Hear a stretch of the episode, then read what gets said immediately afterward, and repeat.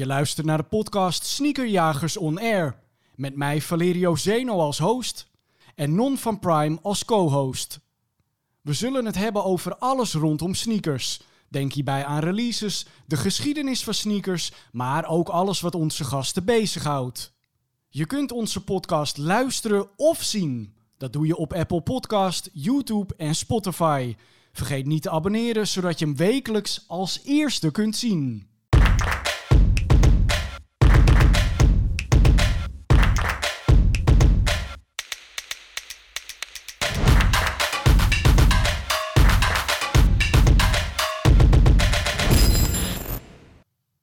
Welkom bij Sneakerjagers On Air, de podcast, aflevering 11. Is toch ongelooflijk, eh, Nonski, dat het zo snel gaat? Het is eh, sneller gegaan dan ik dacht, ja. Nou, aflevering 1 voelt als gisteren, maar eh, inmiddels zitten we hier met een trouwe familie. Zitten we gewoon eh, weer de show op te nemen. Klopt, ja. Heb Ja. je er zin in? Ik heb er zin in. Ik ben een beetje moe, maar ik heb er wel zin in. Een beetje last van de keel, ik zie een ja, kopje ik heb een thee staan. erbij, mint thee, lekker ver. Ja. Nou ja, ik denk dat je na deze show weer helemaal de oude wordt. Want eh, we hebben ook. twee hele leuke gasten hier in de Sneakerjagers eh, headquarters in Amsterdam. Eh, aan de ene kant hebben we Daan de Greef. Hij is eh, eigenaar van eh Baskets. Kan ik dat een kledingzaak noemen of is het eh, meer dan dat? Een experience store. Zich ook sneakers, op zich wel belangrijk, want daar gaat Ook, het ja. over, geloof ik. Maar hoe zou je zelf je winkel beschrijven? Ehm streetwear store. Dat is een goeie. Ja. En daarnaast heb je ook een eh, eigen merkje. Ja, New Amsterdam Surf Association. Daar gaan we het straks uitgebreid over eh, hebben. Ik wil er alles van weten. Want ik heb gezien, jullie hebben hele mooie fluoriserende sokken. Zeker. ja, daar weet ik alles van. En aan de andere kant hebben we Jordi van de Bovenkamp, eh, reclamemaker. Klopt. Ja, eh One-line koning.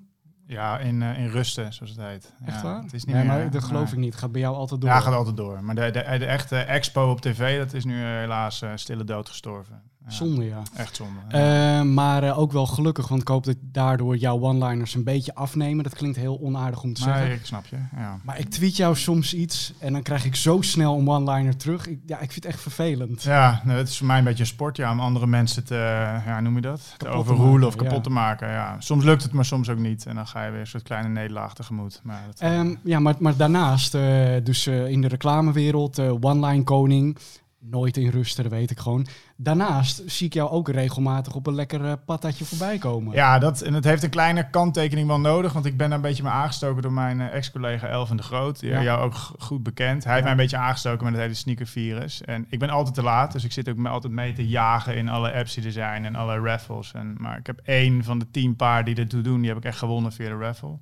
En voor de rest ben ik gewoon zo'n iemand die er dan drie, vier, vijf keer de waarde dan maar voor betaalt. En denkt, ja, ze zijn zo fucking vet, ik wil ze hebben. En, eh, Ja, dat doe je dus wel? dat, ja, dus Oh, ik dat heb had ik wel. ik- nee, ik heb wel wat geld uitgegeven van die Ja? schoenen. Ja, dat is best wel zonde ook. Ja, Ja, ik, heb, ik niet want- verwacht dat jouw liefde dan zo groot zou zijn. ja, ik vind, ik heb een beetje over nagedacht wat een sneaker dan een beetje is. Maar ik vind een beetje, eh, wij mannen, ik weet niet bij de rest is aan tafel. Kijk, vrouwen die hebben het geluk dat ze ringen hebben, kettingen, maar weet je, dat ze een beetje extra... Schoenen. Vrouwen ook veel hakken, hè? Ook hakken, ja, Ja, dat soort ja. dingen. En man, eh, natuurlijk wel misschien een dik klokje hebben we allemaal, maar de sneaker maakt in principe wel een beetje je, ja, eh, je, je outfit voor die dag, weet je wel. Dus soms denk ik van, oké, vet, ik moet gewoon een vet paar schoenen aan.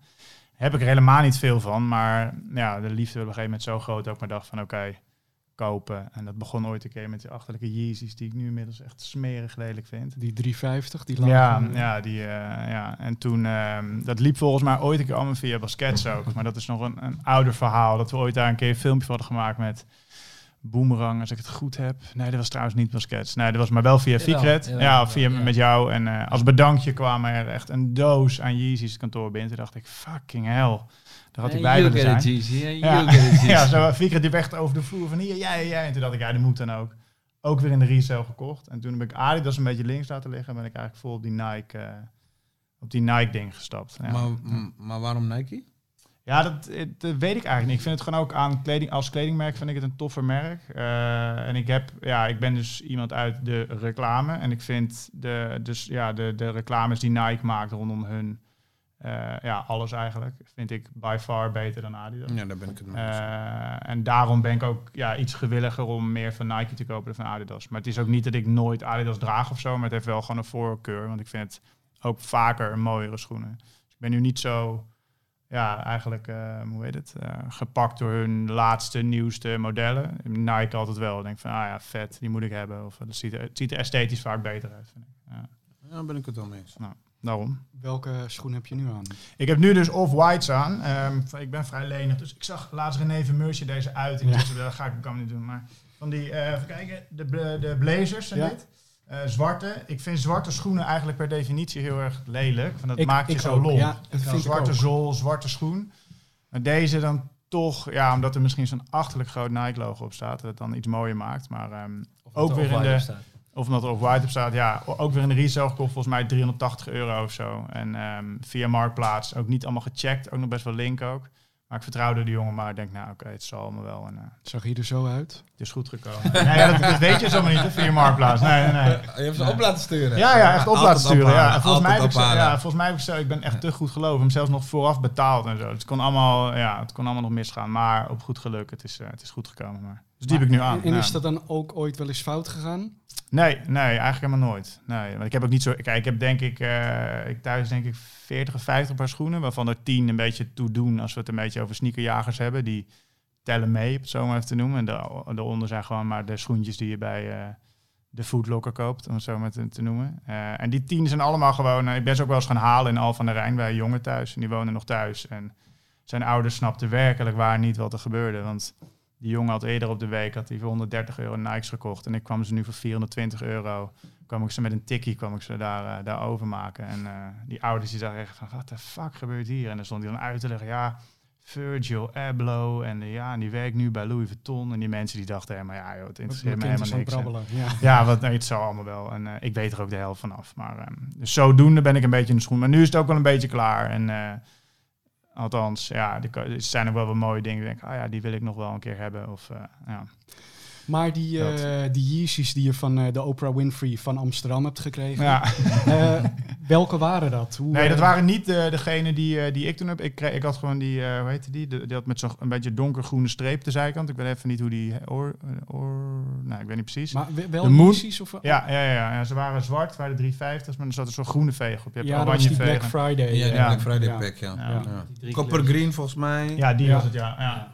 Ja. En nog een rode. Ik ben geen Adidas man, dus ja, die eh, Copper Greens ja. waren het volgens Ja, mij. de Copper Green. Die Ja. hebben toen tweedehands weer prima doorverkocht. En die toen via Daan kwamen, dat waren... Ja, nee, nee, dat waren die Moon, eh, Moon Rocks. Heb je die ook Ja, van ja. de Yeezy? Ja. En die zijn nu volgens mij ongedragen. Heb je die eh, nou, voor 1200 piek of zo, 1100? 1100? Als ik toch wat bewaard had. Ja. ja, dan waren het die wel, toch? Ja. ja. Maar Wat goed. hoor ik hier nou voor verschrikkelijke dingen? dat heb je niet gedaan. Nee. nou, waarom niet? Ja, ik denk toch dat op een gegeven moment... Weet je hoe het begint? Het begint op een gegeven moment toch bij, bij dat je een hobby hebt en dat je zelf in die rij hebt gelegen. En dan uiteindelijk is het wel zo dat je... ehm, kijk, nu zijn die aantallen natuurlijk veel hoger. Dus het is, het, is nu sowieso anders, weet je wel. Je kan veel meer vaste klanten bedienen. Oh, ja, zo, zo hoor je me beter. Eh, veel meer vaste klanten bedienen en eh, sowieso meer klanten met zo'n schoen bedienen. En, en natuurlijk begon, en eh, bij ons is het natuurlijk ook allemaal nog niet forever dat wij dat soort releases krijgen. Maar waren het ook veel mindere aantallen. Dus dan was je in het begin nog wel echt die hele principiële, ha- principiële Harry, die echt zei van eh, nee, alleen maar klanten. Ook best wel veel discussies natuurlijk met het team mee gehad en zo. Van, die willen natuurlijk ook, die komen ook ergens voor werken, weet je wel. Die hebben ook zoiets van, jou, ik wil die schoen. Maar ja, weet je, uiteindelijk ben je wel gewoon, ben je, ben- is het wel gewoon echt zo dat je, eh, dat je gewoon wil dat die schoen gewoon terechtkomt bij die consument. Maar ja, weet je, dat verandert natuurlijk ook allemaal wanneer er weer grotere aantallen zijn en niet alles goed doorverkoopt, weet je. Laten we ook gewoon eerlijk zijn. Dat is natuurlijk ook allemaal, er zijn, er zijn natuurlijk genoeg eh, eh, situaties waarin, waarin ehm, ja, de verschillen gewoon nog wel eens van situaties. De ene schoen is gewoon binnen een seconde op en de andere niet. Ja.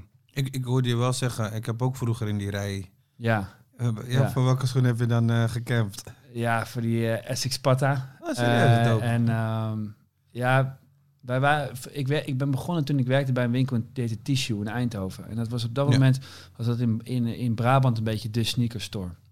En daar ben ik begonnen. En daar is het eigenlijk sowieso gewoon begonnen dat ik dat leuk vond. Maar die heette Tissue. Tissue, ja, t-shirt en schoenen. oh, T-shirt. Ja, Ja. nee, nee, nee, tissue. tissue. ja, dat zei Ah, tissue oké. en schoenen was een Ja. soort van combinatie. Ja, en dat was mooi. Ja, en wat, ja, ja, die, ehm, dat, dat was toen gewoon een mooie tijd. En, en, en- dat was ook een tijd waarin het sowieso gewoon heel anders nog was. Er was, er was zoveel meer niche op dat moment. Weet je, er was, het was, zoveel minder. eh, het was ook veel minder een statussymbool. Het was misschien maar een statussymbool voor, voor few, weet je wel. Waar het nu natuurlijk eigenlijk op het schoolplein eh, het statussymbool is. Naast de Stone Island eh Ja. truitje. En weet je, dat is natuurlijk wel... Het is gewoon een hele andere, andere, andere wereld. En, ook, en de- het resellen was natuurlijk ook veel minder aanwezig. Mensen zaten daar veel meer om letterlijk een schoen Je, aan echt omdat je het zelf ja, wilde. weet je wel, het was gewoon om, om, om echt aan een collectie toe te voegen. En eh, eh, ja, dat is natuurlijk nu anders. Ja. Eh, maar je hebt dan dus in het verleden gecampt. Ja. Maar hoe ben je uiteindelijk de retail ingekomen? Nou ja, ik werkte dus bij, ehm, bij die winkel. En toen uiteindelijk was er een winkel in Amsterdam, heette Jefferson Hotel. Ja, En daar, dat daar- is waar je nu in zit, toch? ja, dat was eigenlijk het pand waar nu zeg maar Baskets in zit. En daarnaast, eh, daar, die, die, op een gegeven moment ontmoette ik hem een keer via via Lam hier in de stad. En toen, eh, toen woonde ik dus nog in Eindhoven. En toen, ehm, toen zei hij van, joh, er is altijd een plekje voor jou bij Jefferson Hotel of zo. Een leuk gesprek gehad. Ehm, en toen op een gegeven moment, toen eh, ging de winkel dicht waar ik werkte helaas. Toen ben ik daarheen gegaan eh, met de trein. Weet ik nog dat ik daar in de trein zat en dat ik naar hem toe ging om te vragen of ik daar kon werken. En toen bij Utrecht of zo kreeg ik een appie, kom je nog een keer langs. Dus dat was echt een soort van meant to be. Ik weet nog heel goed dat zeg maar Roy die ik toen eh, heb aangenomen, die werkte later heb aangenomen als de eerste die ik aannam, die werkte daar toen en die moest toen plaatsmaken voordat ik daar ging werken. Best wel awkward was uiteindelijk. Maar uiteindelijk heb ik hem als eerste aangenomen, dus een van mijn betere vrienden. Maar en toen ben ik bij hem gaan werken en, eh, toen was het nog zo dat, eh, dat er best wel veel quickstrike accounts bijvoorbeeld van Nike waren kledingwinkels. En dat waren winkels, het Tenudeniem was dat, had dat toen bijvoorbeeld en een Denham had dat toen. En dat waren kledingwinkels die ze eigenlijk hoog had, had, hadden zitten. En waar ze, wat, waar, ze, waar ze best wel goed product wilden neerleggen. En ik kwam natuurlijk heel erg vanuit de sneakers setting waar alleen maar sneakers waren. Dus ik dacht, hé, hey, what the fuck, weet je wel. Eh, dus ja, ik ging gewoon naar Adidas. Als in je dacht, waarom hebben wij dat niet? Nou ja, meer gewoon van. Hij stond daar niet zo bij stil. Bij hem was het ook echt daadwerkelijk een bijproduct. En dat was Ja, denk ik ook ja, de fase, de, de- waarom de merken dat zo prima vonden. Om daar gewoon lekker wat goed product neer te zetten. En toen op een gegeven moment toen dacht ik, ja, maar wacht even, dat, dat kan meer. En toen ben ik op een gegeven moment gewoon SKU's en zo gaan opzoeken. Van toen de tijd nog Kazuki, Kazuki Colas met Adidas en zo. En dat soort shit met beurten. En toen ging, dan kon ik gewoon, ging gewoon die, die nummers doorbellen aan de customer service. Van, yo, hey, mag ik de B53433? Dus ja, tuurlijk. Welke maatserie wil je, weet je wel? Toen Maar ze niet van, ho, ho, Jefferson Hotel. nou, dat was, ja, dat was toen, dat was, dat was allemaal nog allemaal wat minder of zo. En eh, ja, dat, die hele onwijze scherpe teering en zo, zoals het nu is, tering, tering, tering, dat was, wel, was toen echt nog wel, wel ietsje anders. Vooral bij Adi. Eh, en toen op een gegeven moment, toen, ja, toen begon ik steeds met die buying van die sneakers te, te, te starten. En toen ging eigenlijk de, de wasserette die naast ons zat, die ging weg. En toen dacht ik, ja, dat, daar moet ik zelf in zitten. En toen ben ik met hem, dus heb ik gezegd, joh, kunnen we niet daar een sneakerwinkel beginnen? Zeg maar, kunnen we, daar, kunnen we dat niet doen? En op dat moment was natuurlijk die markt nog best wel ontoegankelijk of zo, weet je wel? Er waren natuurlijk een paar, paar, paar spelers waar, die, die iedereen kent. Ehm, maar zeker, ik, als je bijvoorbeeld naar de Nordics ging, weet je wel, naar Scandinavië, om te kijken hoe dat daar in elkaar zat. Dat was, dat was allemaal heel, was al veel meer verwe- verweven met bijvoorbeeld kleding. En, dat, en, ehm, en toen dacht ik, ja, dat ga ik daar doen. En toen had ik natuurlijk die accounts. Dus wij hebben natuurlijk eigenlijk toen een beetje tegen Nike en Adi gezegd van ja, dit wordt zeg maar de, de, sneaker dependance van Jefferson Hotel. Dat hebben we toen baskets genoemd, dat we gewoon sneaker op Google hebben ingetypt. Toen op Fran en toen op Frans hebben gedrukt, toen stond er baskets. waarom drukte je dan niet op eh, eh, Noorwegen of eh, Zweden of zo? Ja, ja, ja. Aangezien je daar je inspiratie voor die winkel had, vandaan had. Ja, ik denk dat die naam niet lekker bekte, man, Nee. of zo. dus toen het stond er wel sketsen, toen zijn we dat eigenlijk begonnen. En toen konden we dus profiteren van de eigenlijk de collectie die er was. En toen, en zo langzaam is het gegroeid. Jefferson Hotel ermee stopte, wij Jefferson Hotel weer eigenlijk basket Jefferson Hotel heeft overgenomen. En ja, zo is het eigenlijk doorgegroeid. Maar en waarom denk je dat toen de tijd eh, Jefferson Hotel ten ziele ging? Jefferson Hotel ging te zien omdat ten eerste, eh, ik denk dat ehm, ehm, de winkel op dat moment, hij was eigenlijk de tijd van, van Concept Store te daar was hij eh, eh, niet voorbij, die, die was hij, daar was hij te vroeg bij. Mensen begrepen niet helemaal. Nee, het, het, was, het, het was letterlijk eigenlijk wat basket nu nog steeds is, want die inrichting is nog steeds prachtig, weet je wel. En het was eigenlijk ingericht als een hotellobby. Dus je had eigenlijk een, een, een bar, wat nog steeds de basket in principe de, de balie is. En achter had je... Ja, maar dat je, vond ik ook echt vet dat je bij de kassa ook echt Ja. zo- zo'n sleutelwand ja, had. Ja, ja, dat hebben we in principe allemaal nog steeds. En, ehm, alleen ja, ik denk dat het hele conceptmatige op dat moment eh, eh, eh, gewoon nog, nog te vroeg was. Ja. Mensen, mensen, kijk, mensen, mensen, je moet Amsterdam gewoon, dat sowieso is, je moet Amsterdam gewoon qua fashion niet vergelijken met Londen, New York of Stockholm of Berlijn. Dat zijn wij gewoon nog niet. Dat blijkt ook aan, aan hoe, hoeveel winkels er open en dicht gaan eh, elk jaar. En, Maar bedoel je dan daarin dat wij daarmee achterlopen? ja, zeker. Ja. ja. Nee, kijk, ik denk, dat, ik denk dat op het gebied van... eh, ehm, kijk, wij zijn natuurlijk voor origine echt gewoon een denimstad, weet je wel. En eh, natuurlijk is er ook een onwijs hoog streetgehalte. Ik bedoel, kijk naar, naar, naar hoe Nike en de Air Max zich natuurlijk ontwikkelt. Maar voor, dat is een andere discussie dan een, dan, dan een modewinkel. Een contemporary modewinkel is gewoon een andere discussie. En ja, die merken, dat, blij, dat blijft toch heel moeilijk, weet je wel. En eh, je moet of echt de lucht in. Kijk naar een Cowboys Catwalk of zo, weet je wel. Die natuurlijk met de Comic maar ook met, met hits als een Gosha, maar ook met alle, allerlei merken die zo jaar en dag doen en een vaste klantenbase hebben, daar onwijs goede business doen. maar ook wij, toen wij wat de lucht in gingen qua merkenpakket, weet je wel, met een Marnie, Carven, eh Alexander Wang, noem maar op, is toch lastig. Amsterdam is daar toch nog wel... eh, en we zijn ook slim, hè. Weet je, we weten allemaal wanneer we het voor de helft kunnen krijgen. En eh, dus ja, weet je, uiteindelijk moet je denk ik wel gewoon... in Amsterdam moet je wel je, je concept adjusten, weet je wel. Als je kijkt naar andere concepten die in, in, in wereldsteden werken, werkt bij ons niet zo 1, 2, 3. Nee. We hebben, en we zijn er best wel op prijspunt, hè. En, eh, en eh, we vinden het mooi om soms iets, iets, iets heel mooi duurs te kopen. Maar dat betekent niet dat we daar gewoon dat je daar altijd een everyday business op kan draaien. Dus ik denk dat dat bij Jefferson Hotel uiteindelijk wel de moeilijkheid was. En daarnaast ook natuurlijk de, kans, wat we, de kansen die we met basket zagen. Ik bedoel, baskets groeiden. eh, en eh, de kledingkant, die hadden we toen nog niet. En die konden we natuurlijk uitrollen in die winkel. Dus het was natuurlijk deels dat Jefferson Hotel het echt niet altijd even makkelijk had. Maar het was ook dat we kansen zagen met baskets en dat die baskets meer kansen had. Ja. Nu is het baskets. Ehm, waar, waar zitten jullie allemaal? Eh, we zitten op de Elandsgracht. Ja. Eh, de- inmiddels is de, de eerste winkel, die, is, die hebben we verkocht. Dus dat is, tenminste, dat is nu Kimono. Ja. Eh, dat zijn onze Belgische collega's die de brillen, brillen en horloges verkopen. Komt omdat we op een gegeven moment de stap naar online wilden maken en ik simpelweg niet alles tegelijkertijd kan. En we zitten op de Gerard Douwstraat, dus echt op het Gerard Douwplein in de pijp. Maar hadden jullie nou ook iets eh, in Den Haag? Ja, we hebben een, we hebben een, een, eh, een heel even een, een winkel in Den Haag gehad. Eh, Hoe heette die? eh, nou, we hebben, die heette gewoon. Ja. Maar we, we hebben Kom en Kin overgenomen. Dat was een winkel daar die ook re- redelijk high in het pakket had. Eh, ook deels een soort van strategisch dat wij een deel van die merken zouden kunnen overnemen. Uiteindelijk is het dan toch wel heel moeilijk om die merken mee te nemen naar Amsterdam.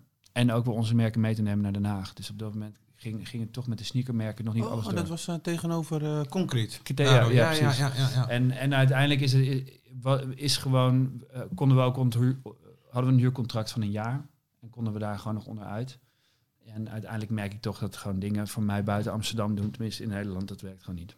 Nee. Maar en waarom kon je merken niet meenemen naar Den Haag en andersom? Nou ja, toen de tijd, dat is nu ook weer anders. Toen de tijd kijk, kijken mensen natuurlijk, hebben gewoon mensen lange relaties met bestaande winkels. Eh, nou, kijk naar Concrete bijvoorbeeld, die tegenover ons zat, die natuurlijk eh, heel, heel hoog bij Nike in de boom zat nu. Eh, toen, zeg maar, nu niet meer, maar toen wel.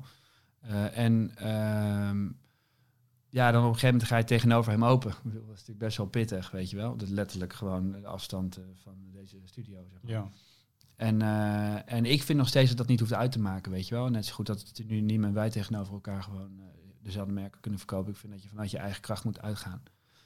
Eh, en dat iedereen eh, een apart concept heeft. Maar ja, eh, daar denken natuurlijk ook bepaalde mensen anders over. En niet, niet eens zozeer de winkels, maar ook de merken. Die willen dat allemaal plaatsen en de relaties goed houden. En, en de hoge merken mee naar Amsterdam nemen, dat was gewoon ingewikkeld. Want ook daar zitten dan weer partners die dat alweer hebben. Oh ja. En dan kan je het weer alleen online verkopen. En waar ik op een gegeven moment gewoon niet meer achter stond, was een soort van mega divers aanbod in elke winkel. Dus had de pijp op bepaalde merken wel, omdat we die in, Amst in, in Jordaan niet konden verkopen. Eh, Jordaan had weer ze- ze- dezelfde merken ergens als, als in Den Haag. En Den Haag kon een andere merk niet verkopen. Uiteindelijk hebben we eigenlijk gewoon die hele exercitie van uitbreiding ingerad voor online en ons eigen merk. En ja, dat heeft gewoon dat heeft veel beter uitgepakt. Ik wil het straks nog met je over je hebben, of eh, met je over hebben. ehm, wanneer er zo'n kantelpunt kwam, wanneer mensen echt in de rij gingen staan voor schoenen. Wanneer in jouw beleving echt die gekte bij baskets losbarsten.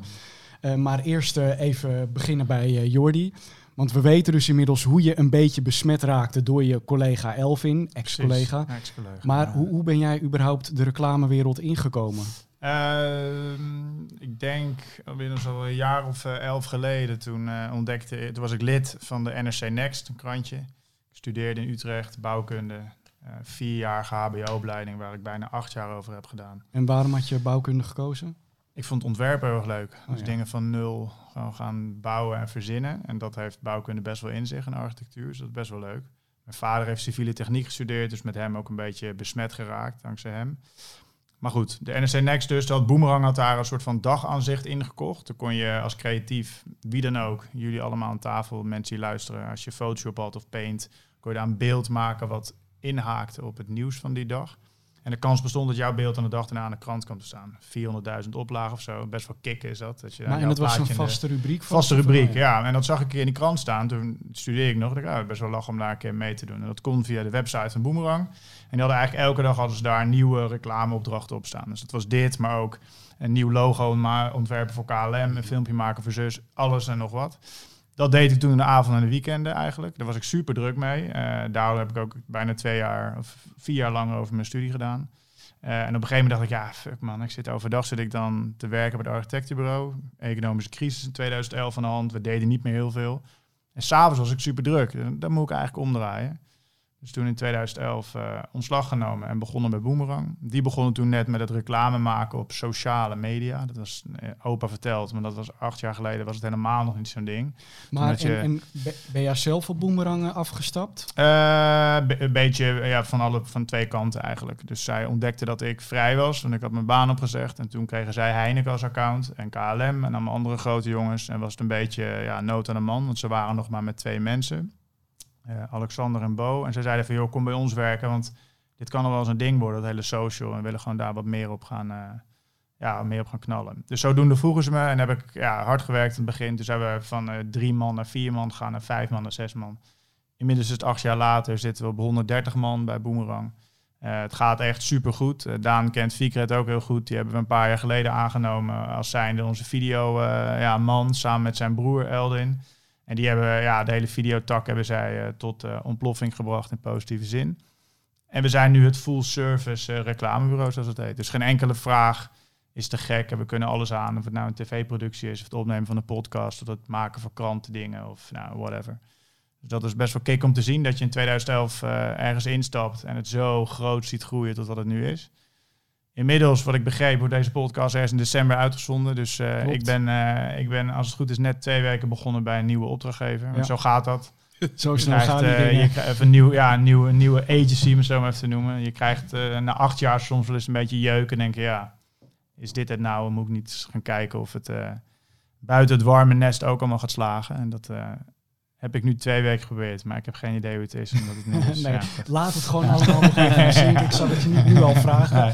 Eh, Nee, maar wat ik wel van je wil we. weten is... hoe heb je in de tijd bij Boomerang gezien dat de, de marketingwereld veranderd is? Nou, dat eh, over acht jaar tijd, wat ik een beetje heb gezien, wat een beetje als gro- het grote goed kunnen zien, is dat de consument, dus waar, waar merken tegen praten, dat dat eigenlijk ook allemaal puur zangmakers zijn geworden. Dus eh, waarmee eigenlijk twee dingen krijgt. Dat hetgeen wat jij communiceert als merk naar mensen toe, dat dat door mensen ook veel beter begrepen wordt. Van, nou ja, ik zie nu wat je maakt, of ik zie nu wat je doet, of ik snap wat je me probeert te zeggen.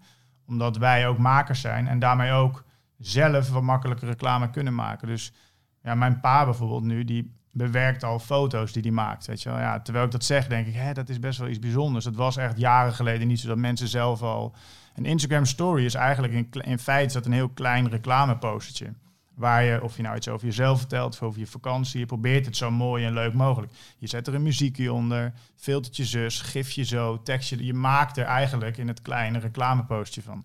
En dat is wel een enorme slag, maar eh, ook een hele leuk hoor, want de reclame zelf kan daardoor ook veel sneller gemaakt worden. Dus je hebt ook niet meer, ja, voorheen moest je eh, iets in een krant neerzetten. Dat duurde het eeuwen voordat het door redacties was goedgekeurd en gemaakt en bladibladibla. Ik heb tig voorbeelden van kantoor waar ik dan heb gewerkt, eh, dat wat binnen 10 minuten verzonnen, gemaakt en geplaatst is. Weet je wel. En dat, dat is echt een zieke ontwikkeling. Dat is, eh, vind ik heel erg leuk, want ik hou mega van snelheid. En ik vind gewoon, ik maak liever tien dingen in een uur dan één per week. Weet je wel. Dus dat, dat is een enorm leuke ontwikkeling. Maar als maker ook wel soms een beetje hectisch. En eh, ja, je moet af en toe even de rechterbaan op of een afslag pakken en gewoon even chillen. In plaats van alleen maar linkerbaan en eh 220 iedereen inhalen. Maar en wat kan Ja. nu dan nog een eh, opdracht zijn waarbij je lang bezig bent? Nou, het, het, het grootste goed binnen reclamewereld zijn is nog steeds wel de tv-commercial. Dus dat is gewoon een, ja, dat, omdat, kijk, een filmpje wat je op social voorbij ziet komen, met alle respect, maar die, die, die hebben vaak een lengte van een paar weken en die zijn er dan weer af. Dus de budgetten daarvan zijn ook wat kleiner dan voor een tv-commercial. Om over Heineken bijvoorbeeld te praten, die hebben soms ook commercials die twee jaar lang resoneren op tv. Dus er zit een mega budget over. Eer dat gedraaid is, ben je ook gewoon maanden verder voordat dat al helemaal strategisch klopt. Nou, het, het filmen duurt een paar dagen, het editen duurt weer een weekje of wat. Dus dat zijn wel de grote klussen. Ehm, ja, en daar, daaronder is echt nog genoeg te doen. En daar tapten we eigenlijk met Boomerang volop in. Dus dat, eh, daar waar je heel veel traditionele bureaus hebt die al die grote klussen doen, hebben wij eigenlijk alles wat eronder zit, en zo eerlijk is het gewoon, eh, opgepakt en gemaakt. En dat is echt, ja, dat, eh, als de tv-reclame het topje van de ijsberg is, dan is wat eronder zit datgene wat wij allemaal deden. Met als gevolg, omdat je daarop bewijst, dat je dan ook uiteindelijk tv-commercials gaat maken. En dat zijn we nu ook allemaal aan het doen. Maar dat zijn gewoon wat loggere, grotere projecten. En Dat, eh, ja. En heb je dan ook al eens voor eh, eh, sportmerken als in schoen of kleding? nou, we doen wat dingen voor baskets ook, maar Ja. dat is wat, ehm, eh, daar ben ik zelf niet veel betrokken bij geweest. We hebben wat dingen voor Nike gedaan in het verleden, voor WK, EK vrouwenvoetbal, volgens mij, als ik het goed heb. Maar dat zijn ook, dat zijn ook wel merken die eigenlijk al, ehm, ja, dat zijn gewoon eh, multinationals, zo maar even te noemen. Dus die werken al heel vaak met gezettelde bureaus. Die zitten er al letterlijk jaren, zitten die er al. Dus het is vrij moeilijk om daar landje te pikken, weet je wel. En, eh, maar het is nog steeds een droom om dingen te doen voor Nike. Dat lijkt me echt te gek. En ik volg, wat ik net ook al zei, ik volg die gast echt op de voet. En ik vind gewoon keihard wat ze maken altijd. En ook in copy zijn ze zo fucking sterk. Dat ik kan echt genieten van eh, hun zwarte achtergrond met alleen maar witte tekst erin. Ik weet niet of jullie toen hebben gevolgd toen Serena volgens mij voor de 23ste keer een Grand Slam won. En toen hadden ze een soort zin, eh, verhaaltje over haar geschreven, wat eigenlijk ging van eh, hoe zij opgroeide, dat meisje uit Compton, de zus werd van. Uiteindelijk werd het helemaal genarrowd naar dat zij eigenlijk gewoon de, de champion der champions was. Maar dat, hebben ze gedaan over acht zinnen. En terwijl ik het vertel, denk ik van ja, dat, ik krijg gewoon kippenvel ervan. Ik vind het zo mooi dat ze dat zo, zo kunnen doen. En dat, eh, ja, dat lijkt me nog een keer heel tof om daar, eh, daarvoor te, voor te werken. En een quote, yesterday you said tomorrow. Dat vind ik ook echt een keiharde zin. Dus dat is gewoon voor al die faalhazen die heel graag willen sporten, maar het nooit voor elkaar krijgen, waar ik er ook zelf een van ben. Ik ga nooit en ik heb geen zin. En sportschool zit notabene in mijn achtertuin en nog vind ik het allemaal te ver. Maar dat ze dan, ja, yesterday you said tomorrow, vier woorden, wat zoveel zegt, weet je wel. Dat als je dat leest, denk je, ja, je hebt fucking gelijk ook, weet je. Ja, het is dat just do it is natuurlijk me, is mega episch, maar... More than an Dat, eh, athlete. Gebruiken ze nu ook de hele Precies, tijd. Ja, ook more than athlete. Ja, Ja, dat schrijven ze ook op die schoenen, toch nu, volgens ja. sommige, ja. Eh, LeBron en achterop, zo, eh, ja. ja. Ja. ja, ja. Ja, ja, Ja, dus dat, eh, daar hou ik... eh, ja, ik vind dat nog steeds... Met Adidas zit er ook wel een paar. Hè, dus ik vond een paar jaar geleden... eh, dat is een Duitse campagne. Dat ging ik zelf echt heel hard op aan. Eh, het gemeentelijk vervoerbedrijf daar, dus de, GV, de plaatselijke GVB... Die zochten contact met de, met de jeugd. Nou, dat is niks saaiers dan de, de metro of de tram en eh, weet ik veel wat. Die hebben gepartnerd met Adidas. Eh, en zij hadden een schoen uitgebracht. En ik ben naam even kwijt. Ik weet het model ook niet helemaal. Misschien heb je het wel gezien ook ook hoor. Maar ja. Ik heb het dan een keer ook eh, ergens anders gepresenteerd. Maar die, hadden, die hebben een, een Adidas schoen ontwikkeld die helemaal bestond uit, eh, eh, uit elementen en grafische dingen uit, het, uit de GVB. Dus bij de NS heb je altijd van die, nou ja, noem het even, lelijke tapijtjes op de stoelen zitten. Die hadden ze dan gebruikt als zijkant van de schoen. Maar het unieke was dat in de lip van de schoen... Dus de, Je kon ermee reizen, toch? ja, daar zat dus een OV-jaarkaart in. Dus daar kon je dus gratis mee reizen. Nou, over rij gesproken, wat daar net in, in stond. Het stond echt van Berlijn tot München, stond mensen in een rij om die schoen te verkrijgen. Ja, en dan denk ik wel echt van, oh, dan heb je het wel een beetje uitgespeeld dan. Dat is fucking vet. En, eh. Hey, maar het, het voelt een beetje als een vraag van alsof je tegen een comedian zegt: hey, doe eens grappig, vertel eens hem op. Maar kan je een voorbeeld geven van een eh, campagne of iets wat jij hebt bedacht? Jeetje. Eh, Of zeg je nou, ja, zo werkt het niet, want dan moet ik nu droog gaan vertellen hoe dat plaatje eruit zag. Nee, maar een beetje om het wat groter, eh, te maken eigenlijk. Ik ben, ja, de mensen die luisteren en Heineken volgen of KLM, of, eh, dat is allemaal eh, op, op social media dan. Daar is 9 van de 10 komt bij Boomerang vandaan. En zeker bij Heineken ben ik er vrijwel eh, ja, direct of indirect bij betrokken, want dat werk ik al acht jaar voor. Dus alles wat je daar voorbij hebt zien komen, ook van premiums en dingen die je wel eens bij kratjes hebt gekregen bij aanschaf van, dat komt een beetje uit onze koker. En daar ja, ben ik zelf persoonlijk wel heel erg, heel erg trots op. En we zijn in die hoedanigheid ook een paar keer naar het Holland Heinekenhuis geweest. Dus dan zit je drie weken te werken in Rio, drie weken te werken in Sochi, drie weken in Korea. ja, dat zijn wel de kerstuiten ehm, op de taart. En eh, De krent dat- uit de pap. de krent uit de pap, kerst op de taart. Ja, nee, dat is, dat is te gek. En eh, ja, dus daar zou je het eventueel een beetje het werk van, eh, van kunnen kennen. Maar vaak is reclame nog steeds voor mensen... Oh ja, dat is die tv-commercial. Want dat is nog steeds voor mensen de reclame. Wat gewoon terecht is, omdat je daar ook heel veel mensen mee bereikt. Maar daar heb ik nog niet zoveel wapenfeiten eh, Nee. over te vertellen. Mag, mag ik wat vragen? Maar denk je dat dat over vijf of zes jaar nog steeds gaat zijn? Want de, de jeugd kijkt toch bijna geen tv meer? Nou, nee. dat- Instagram. of- Ja, dus het, het is dus het is al mega aan het veranderen. Dus al Ja. die de cijfers en zo. En eh, ook de budgetten die worden verdeeld. Dus ehm, om een beetje eh, reclame technisch te houden. Maar eh, tv-commercials en dingen die je op straatbeeld ziet, dat noemt men above the line. Dus dat is gewoon eigenlijk een soort budgetkwestie. Alles daarboven krijgt veel geld. En below the line, daar zit heel vaak social media bij. Dus de potjes worden ook zo verdeeld dat dat geld wat minder is. Inmiddels is, die, is dat een hele kentering. Dus social staat nu boven dat lijntje en de budgetten zijn ook veel groter. Dus het zal mij niks verbazen als merken binnenkort besluiten om helemaal niks meer te doen via tv of juist alleen maar zeer strakke strategische keuzes gaan maken op een Instagram, op een, eh, op een TikTok. Op, eh, ja, dus dit, daar zitten we nu eigenlijk middenin, in die, in die kentering eigenlijk. Dus, Ja. eh, ja. Maar ik vind tv nog steeds, kijk, dat is ook een beetje als maker. En als je naar Facebook luistert en naar Instagram, die hebben genoeg eh, ja, boxen af te vinken waaraan de ideale commercial moet bestaan. Het moet kort zijn, het moet staand zijn, er moet geluid bij zitten. Je moet binnen drie seconden je product zien. Maar als je gaat vragen naar mensen van doe mij even je favoriete reclame, of wat vind jij nou het vetste wat je ooit hebt gezien, ja, dan komen wel de eh, liggende, twee minuut durende, Ja. keiharde tv- tv-commercials voorbij. Dus daar zit qua belevingswereld zit er nog echt een heel erg verschil in. En als maker ook. Ik vind het heel vet om dat soort video's te bekijken en te delen met mensen. Van dit moet je even kijken. Dus het heeft tijd nodig, denk ik. Maar ik hoop zelf dat het nooit, nooit eh, volledig verdwijnt. Want ja, ik ga nog steeds heel erg hard op gewoon de dingen die op tv zijn. En gewoon bioscooptechnisch bijvoorbeeld gewoon vet zijn om naar te kijken. Weet je wel. En, eh, Ja. ja. Ik bedenk me nu, je zou hier eigenlijk een paar weken geleden te gast zijn. Maar Ja. toen eh, was je op een heerlijke, welverdiende vakantie. Vakans, ja. Maar eh, op je vakantie had je zelfs nog een soort van Nike-ad die je opeens zag. En die dacht je, die moet ik capturen. Die moet ik capturen. ja, dat klopt. Dan heb ik dat ook dan. Daar hou ik, dus ik was in Afrika op vakantie. We, waren, we, waren, we keken uit op een riviertje. Lang verhaal, kut verhaal. Maar, nou, ehm, vertel vooral waar de mensen die foto kunnen zien. Op mijn Instagram. eh, dat is eh, Instagram eh, J-O-R underscore ID. Alleen de I en de D. Dat is dan van Your D, maar dan ID omgedraaid. Het is echt perfect Your systeem. ID. Precies. Eh, en dat slootje, dat had de vorm van de swoosh van Nike. Maar dan moest je wel eerst een foto spiegelen en draaien. Maar in ieder geval zag je daar een, echt een perfect Nike-logo in. Het was echt top. Ik vond het ja, ik, ik, perfect gevonden van mezelf. Uiteraard. Uiteraard. En, eh, dus, maar dan ga je ook een beetje als, als, als sneuwe haas gaan en iedereen taggen die je kent bij Nike. Weet je wel, van oh, please pluggen. En dus iemand dat heel veel bij Nike, die zei ook van nou, ik ga het bij Global naar binnen trappen. Nou, twee weken later Toen nog wist je nog niet dat je naar Media Monks ging? Of Nee, nee, nee, jawel, ja, toen wist wel. Ja. En toen eh, eh, nou, nog geen reactie. En, ehm, eh, maar ze zei van, ik heb hem even rond, rondgestuurd. Iedereen vond het fucking vet, maar tot daar. En we doen heel weinig met eh, user-generated content. Nou, dat ben ik. Ehm, dus, dus nee, helaas. Maar dat soort dingen vind ik wel heel erg leuk om een beetje gewoon, ja, alledaagse Ja, en een beetje alledaagse dingen toch te ook, kan nooit kwaad. Tuurlijk, ja. En wie weet zegt, nou, ik vind, nou, dat vinden we helemaal tof. En hier heb je een waardebon van 50 euro. Nou, dan kan ik Precies. toch weer drie paar sokken Ja. halen. Dat is Nou, gek. is toch weer mooi Ja. Maar je hebt gewoon echt niks gekregen. Nog niks, nee, nee, nee, nee, maar dat was me ook niet om te doen hoor. Maar ja, dan heb, dan heb je weer geluk dat je ook op Twitter, voor de mensen die dat niet kennen, maar dat is iets, een soort tekstplatform.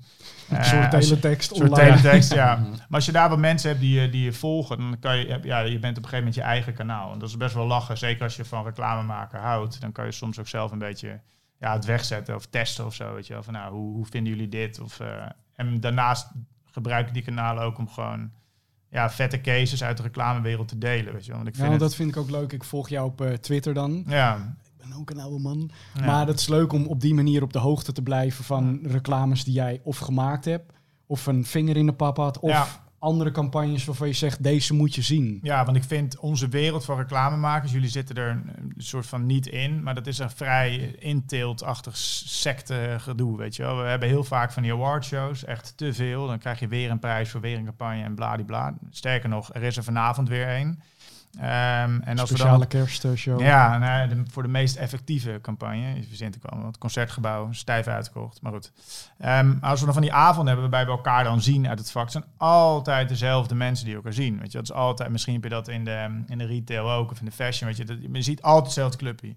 Terwijl hetgeen wat we er allemaal maken, ja, ik zo'n Adidas case met die schoenen in Duitsland, ik vind dat dat moeten meer mensen zien en weten dan alleen maar die inner circle. Kijk, dat jullie er vanaf weten.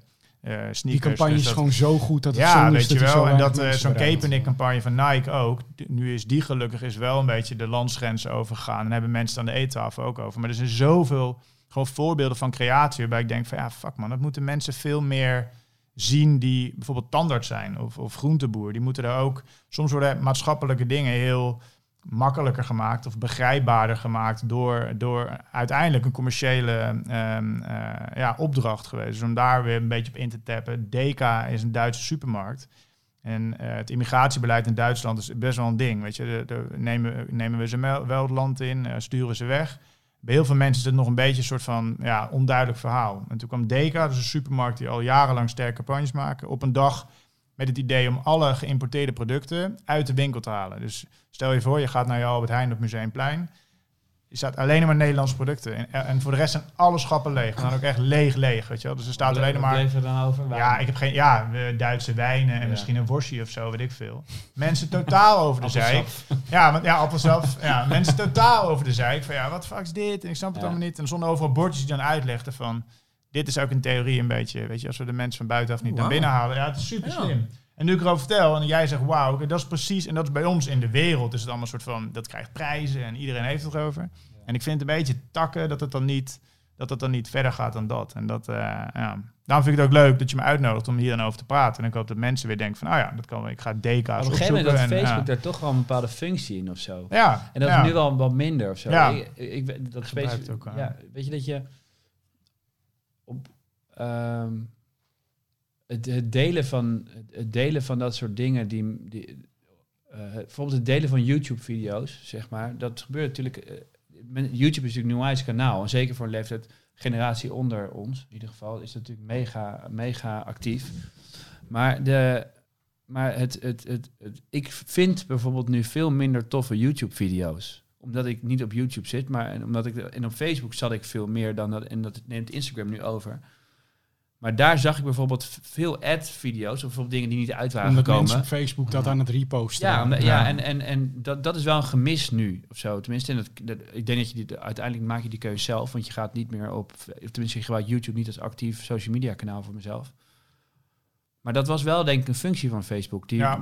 daar zag ik veel campagnes voorbij. Maar ook bijvoorbeeld inderdaad, wat ik net zei, campagnes die bijvoorbeeld niet gebruikt waren. Of net niet gekozen waren, weet je wel. Ja, die kan je daar en het... het Of, in het ja. buitenland inderdaad. Die Audi-reclame met die skier die overal overheen. Ja, eh, ja, ja, ja. Weet je wel. Fucking vet. Super tof. Ja, het is van Noordface is volgens mij toch? Zo'n eh, samenwerking. Die Dat weet ik niet precies, eh, ja. Maar het het jongetje in die auto die de skier volgt. Was dat die video bedoel je? Nee, die skier die echt over die Chinese muur en weet ik veel overal Ah, naar beneden gaat. ja, Ja, ja. Weet je wel, ja. dat soort dingen. Ja, want op Instagram kan je dat helemaal niet doen. Nou, je, je- omdat die, Mensen content, die, content komt daar natuurlijk niet op. Kijk, Nee. je, je deelt natuurlijk niet iets van een ander platform op Instagram. Nee, nee, Nee, dat dat klopt. klopt. Ja, Ja. Dat klopt. Ja. Ja. Maar ik ben zelf persoonlijk... eh, Facebook is echt bij mij een soort van een nachtkaars gaat dat uit. Ja. Dus is, eh, ja. Ah, er zijn, maar er er zijn dus nog wel bepaalde hoor, maar- elementen die je mist, net zoals verjaardagen. ja. Maar, maar er zijn best wel wat dingen, zoals bijvoorbeeld events, dat soort dingen. Het, het is toch nog niet helemaal overgenomen of zo. Nou, ja, ik ben dus drie weken vakantie geweest. Ik, kon terug, ik heb geen Facebook meer in mijn telefoon. Dus ik doe thuis mijn laptop open en dan even naar facebook.com kijken. Nou, zes- 64 meldingen. Echt geen één van waarde. Nee, nee, alleen maar van die en die probleem. zoeken een event, bezoeken Ja, een ja. event bij jou in de buurt. een Die is of die- of Of heeft iets geliked van iemand die, Precies. die, die ja. ik ook niet ken. Ja, het is net, net even zonde. Maar Ja. ja, dat, eh, zit inderdaad Of Instagram dat John een beetje eh, de- bitcoins verkoopt. Ja. Ik heb een paar van Ja. Ja? Ja, je hebt Ik heb gelijk. ze nog niet, maar het schijnt, Alexander eh, Klupping ook. Die ook. Ja. Het schijnt één deze dagen echt binnen ja, te ja, komen. ja, ik zit er ook op. Ja, door hen ook. Ja. Maar als dat zo verandert, hoe doe jij dat dan als winkel als je de mensen wil bereiken? Eh, nou ja, wij zijn natuurlijk best wel over, overgestapt van Facebook op Instagram. Ehm, het punt is natuurlijk, wat je nu ook met Instagram ziet gebeuren, is dat op een gegeven moment Facebook natuurlijk de kraan dicht, eh, dicht draait. Dus op dat moment voel je je best wel geflasht. Je hebt natuurlijk heel veel dingen gedaan. We waren best wel een partij die, die geluid wilde maken in de stad en leuke dingen wilde organiseren, juist om die community aan te zwengelen en ons en, en, en, en, en die likes hard te verdienen. Maar, en hoe bedoel je dan eh, dat Facebook de kraan dicht heeft gedaan? Nou ja, op een gegeven moment moest je gewoon voor betalen om die mensen te bereiken. Oh, zo, ja. En dat is natuurlijk op een gegeven moment met heel veel pages zo geweest. Op het moment dat je op een gegeven moment geen geld eraan uitgaf, dan bereikt je ze niet. Ja, toen, dan komt natuurlijk de next thing automatisch. Ook denk ik ergens uit noodzaak van iets nieuws. Of, en ook een soort van schreeuw van denk ik de user die dat wil. Toen kwam Instagram en dat was voor ons wel echt goed. Eh, ook omdat we daar in het begin gewoon vroeg bij waren, eh, weet je wel. Eh, eh, veel tijd aan besteed. En, maar ook gewoon eh, eh, de, de, de beloning krijgen van veel, veel volgers. En ik bedoel, we zijn echt nog niet de meest gevolgde pagina. Maar weet je, met onze following kunnen we wel goed uit de voeten. En dat is natuurlijk dan automatisch meteen je primaire marketingkanaal. En zeker op het moment dat je, dat je, waar je nu steeds meer naartoe groeit, dat je natuurlijk ook voor een marketingkanaal bent, bent, dan kan je dus ook steeds toffere dingen maken. En dat is onwijs leuk, weet je. Boomerang bijvoorbeeld doen we dingen mee samen. Zeker ook eh, eh, voor Basket zelf, maar ook in samenwerking met merken bijvoorbeeld. Waarin we toffe dingen kunnen maken. De co-creation, zeg maar, tussen ons en de merk samen. Dat zijn dingen die op Instagram, ja, die we goed op Instagram kunnen laten zien. En waar op Instagram ook het kanaal is waarbij de, de, de, de, de overgang tot koop natuurlijk ook gewoon heel makkelijk te maken is. Maar Ik- is, het, is oh het dan ook zo dat je je eh, alleen op eh, Amsterdam en iets daaromheen richt? Nou, het is een beetje tweele- twee, twee, tweeledig. Want we hebben natuurlijk aan de ene kant hebben we Basket als multibrand winkel. en aan de andere kant hebben we Basket als merk. En ehm, eh, ik denk wel dat de propositie om Amsterdam steeds... om- Amsterdam te claimen, of tenminste, en niet dat we Amsterdam kunnen claimen, maar om Amsterdam als uitgangspositie te doen, en dat eigenlijk als hometown voor ons te gebruiken, dat het ook internationaal en ook nationaal buiten de Amsterdamse grenzen werkt. Dus eh, ik denk zeker dat hoe meer wij van Amsterdam eh, houden, hoe meer andere mensen ook van ons houden. Eh, zullen ze in Rotterdam denk ik anders over denken. Maar het is wel zo dat, je, dat, dat ik denk dat het de unique selling point is. Ik bedoel, op het moment dat je eh Baskets Amsterdam bijvoorbeeld, of net zo goed dat het, het merk, het andere merk wat ik doe nu Amsterdam, dat woord werkt gewoon goed. Ehm, maar ik denk wel dat op een gegeven moment dat je, zeker vanuit een multibrand perspectief, dat je op een gegeven moment ook op andere steden moet gaan focussen. Eh, en daar heb je goede content voor nodig. Eh, maar ik denk vanuit ons eigen merk dat, dat, dat Amsterdam zeker een van onze key values is. Dus eh, we zullen altijd een, een, een uitvergrote focus op Amsterdam hebben. Nou stip je zelf eh, je kledingmerk aan. Ja. Hoe heet het ook alweer? New Amsterdam Surf Association. En wanneer... eh, Kan je het zeggen snel of niet? ja, Nieuw Amsterdam Surf Association. Flikspik. Was het snel genoeg? Voor mij doen was het heel snel. Ja, ja. Even bijkomen. Ja, maar, Maar pitch. Wanneer eh, ben je daar eh, mee begonnen en waarom? Eh, een jaar geleden ben ik mee begonnen. Eh, de- de- eh, ik doe dat samen met Paul Zeper. En Paul Zeper had een merk dat heette De Zeep. En Dat was een, een, een, een, een eh, streetwear, surf-inspired merk. Hij is een hele goede windsurfer. Eh, en op een gegeven moment had hij een thema dat heette Nieuw Amsterdam. Geef poepen, non? En toen ehm, Ja. had hij, eh, hij wilde eh, heel graag dat thema Nieuw Amsterdam uitbouwen. En daar had hij hulp voor nodig. Toen heeft hij eigenlijk mij benaderd. En toen, hij was best wel fashion op dat moment. Dus toen zei ik echt van, als je dit wil laten werken, moet jij gewoon eh, twee stappen weg uit fashion doen. En twee eh, stappen weer de zee in doen. En ehm, zo is het eigenlijk een beetje gegaan. En zijn we het, samen dat gaan opzetten. En hebben we heel erg, aan het, heel erg eerst aan het verhaal gebouwd voordat er product eh, werd gemaakt. Het is echt heel erg een soort van elastiek in zijn rug, want hij is super creatief, super gretig en wil heel veel dingen maken. Maar eerst moest het verhaal echt heel sterk staan. En het gaat eigenlijk over European surf. En de, eh, eh, er zit best wel een grote surf community sowieso in de steden. Maar ook gewoon een grote surf community überhaupt in Europa die helemaal geen palmbomen heeft, blauwe zee. eh, en die eigenlijk nu pas met dit weer, zeker over in december wanneer het wordt uitgezonden, dan gaan ze de zee in. Dan zijn de toeristen weg, is het een beetje wild en hebben ze echt een beetje fun. Ehm, en zo is het eigenlijk uiteindelijk begonnen dat dat ons concept was. Dus European Surf. En ehm, daar spraken we automatisch best wel veel kids mee aan. Want heel veel skatekids surfen ook, maar ook heel veel surfkids... die zijn helemaal niet meer zo beachy. Die, die staan ook gewoon te rammen in de school. En die, hebben ook gewoon, die zijn gewoon best wel stads. Eh, of die zijn best wel gewoon eh, rauwer georiënteerd dan zeker alle surfstigma's die je kent uit LA en eh, Hawaii. Hawaii, et cetera. Dus die voelden zich ook meteen aangesproken. Toen hebben we een- hij en zijn vrienden, dat is eigenlijk, zijn eigenlijk iets van 10, 12 jongens, dat is automatisch ons surfteam geworden. En daar zitten ook echt gewoon eh, gasten die, echt mee eh, gooiden naar het Nederlands kampioenschap, et cetera, in. En daardoor werd dat merk meteen mega authentiek. Want ja, het is gewoon hun. Het merk is ook hun. De jongens Ja. zijn de marketing. Zij beslissen of het wel of niet tof is. Eh, en ja, dus authentieker krijg je het eigenlijk niet. Want zij zijn dat merk gewoon. En dat heeft best wel tot een activerende rol gespeeld van andere surfers en mensen die eigenlijk het ook fucking tof vinden. Of die surfen een warm hart toedragen. Eh, en ja, daar is het toen Nieuw Amsterdam Surf eigenlijk uit ontstaan. En eh, ja, dat. Maar en, en als jullie zo'n project eh, op touw zetten, proberen jullie dat dan altijd zelf te doen? Of eh, denken jullie ook wel eens van, hé, hey, laten we eens aankloppen bij een reclamebureau of een... Nou ja, dit, dit was eigenlijk. eh, eigenlijk zijn we Ehm, eigenlijk ben ik meer degene die het... ehm, eh, Paul, is, Paul is dit merk. En Paul eh, eh, doet de designs. Paul is de, eigenlijk de community en vertegenwoordigt dat ook. Ik ben dan wat meer de marketingman in deze eigenlijk. En ehm, eigenlijk was, is het verhaal gewoon zo authentiek... dat we daar eigenlijk helemaal geen marketingbureau voor nodig hebben, weet je wel. Uiteindelijk is het gewoon zo dat het gaat om hun. En die kids die surfen en die maken allemaal dingen mee. En dat is eigenlijk gewoon onze marketing. Tuurlijk, zo meteen, bedoel, laten we eerlijk zijn, we zijn een half jaar of een jaar bezig en we mogen hartstikke blij zijn maar waar, waar we zijn. Dus er zal op een gegeven moment echt wel stappen in gemaakt kunnen worden. Maar tot nu toe kunnen we het eigenlijk allemaal zelf. Eh, ondertussen surf ik weer even naar Jordi.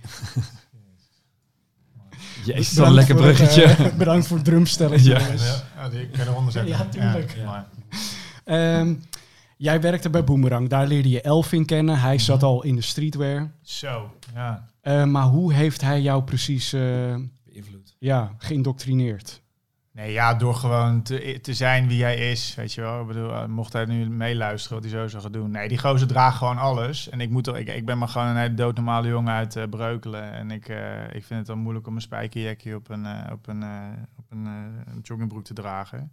Maar Elver draagt letterlijk alles. En dat vond hij fucking mooi. En daar ik hem belachelijk maakte, dacht ik ook op een gegeven moment... ja, je doet het wel gewoon, het staat je ook nog. En wat leuk. Zij heeft me ook helemaal meegenomen in de wereld der Supreme. Maar, en- en- Ehm, ik ken ja, Elvin. Ja, ja, ja. Dat is een kleine, Ja, Supreme. Supreme, Supreme Connect. Voor de ING toen. Ah, ja, mooi. Ja, ja, ja. Ik Nou, zat goed. te denken van nee, die naam Ja. komt bekend Nee, voor. het kan ook zijn dat je hem... eh, Het kan lastig zijn dat je hem niet kent. Nee, hij is Ja. echt een geweldige gast. Maar hij begon ook met dat hele Supreme gedoe. Om, maar, eh, ik kende dat allemaal niet. En hij ging het uitleggen hoe het werkt. En hij was de gast die op donderdag om 12 uur... dan met al zijn creditcards klaar donderdag zat. 12 uur, wat is het? De drop. Oh. En, eh, en hij won heel veel en hij pakte heel veel. En dan ging hij het ook soms weer doorverkopen. En dan had hij weer een van de tyfus lelijk shirt. En ik dacht van, hoe krijg je het voor elkaar? Maar goed.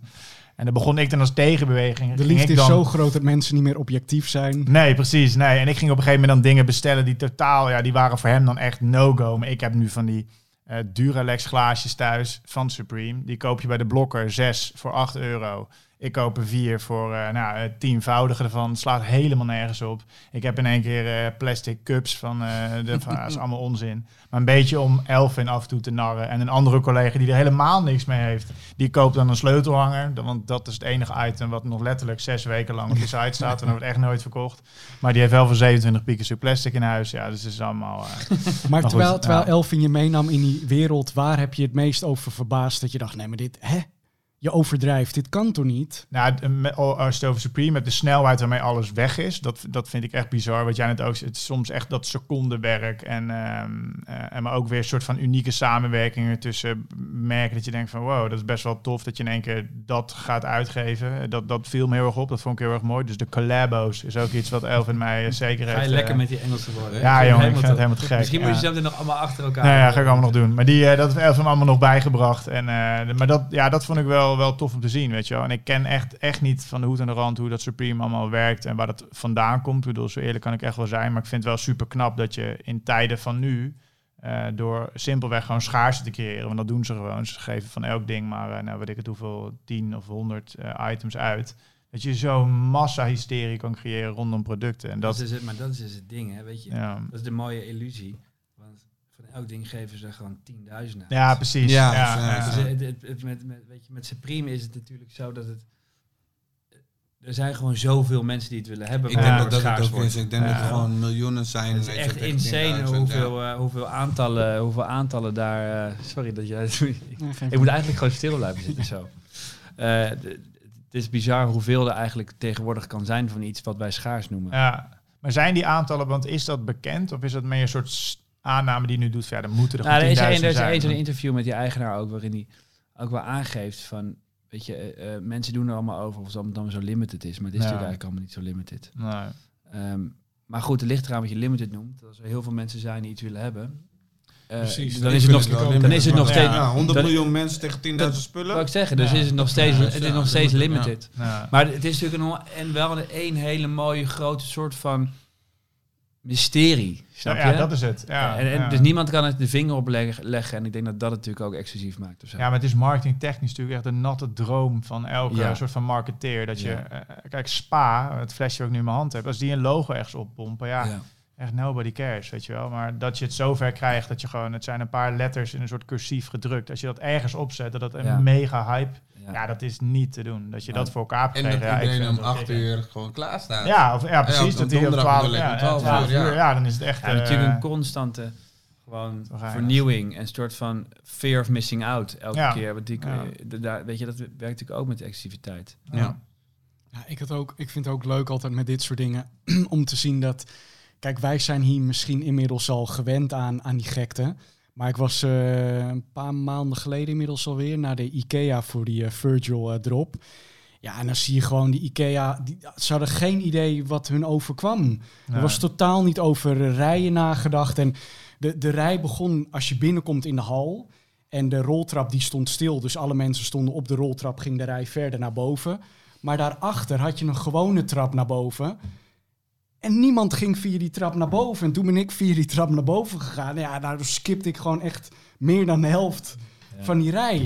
En op een gegeven moment stonden mensen in de rij. En toen zei een medewerker... eh, ja, misschien moeten we toch even een paar hekken neerzetten. En toen dacht ik, ja, daar ben je nu te laat mee. Want niemand gaat natuurlijk nu naar achteren. En dan zei zo'n gast ook... En ja, we- weet je, bij de IKEA werken natuurlijk hele lieve mensen. Dus dan zei iemand...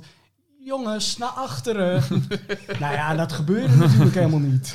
Dus dat was echt...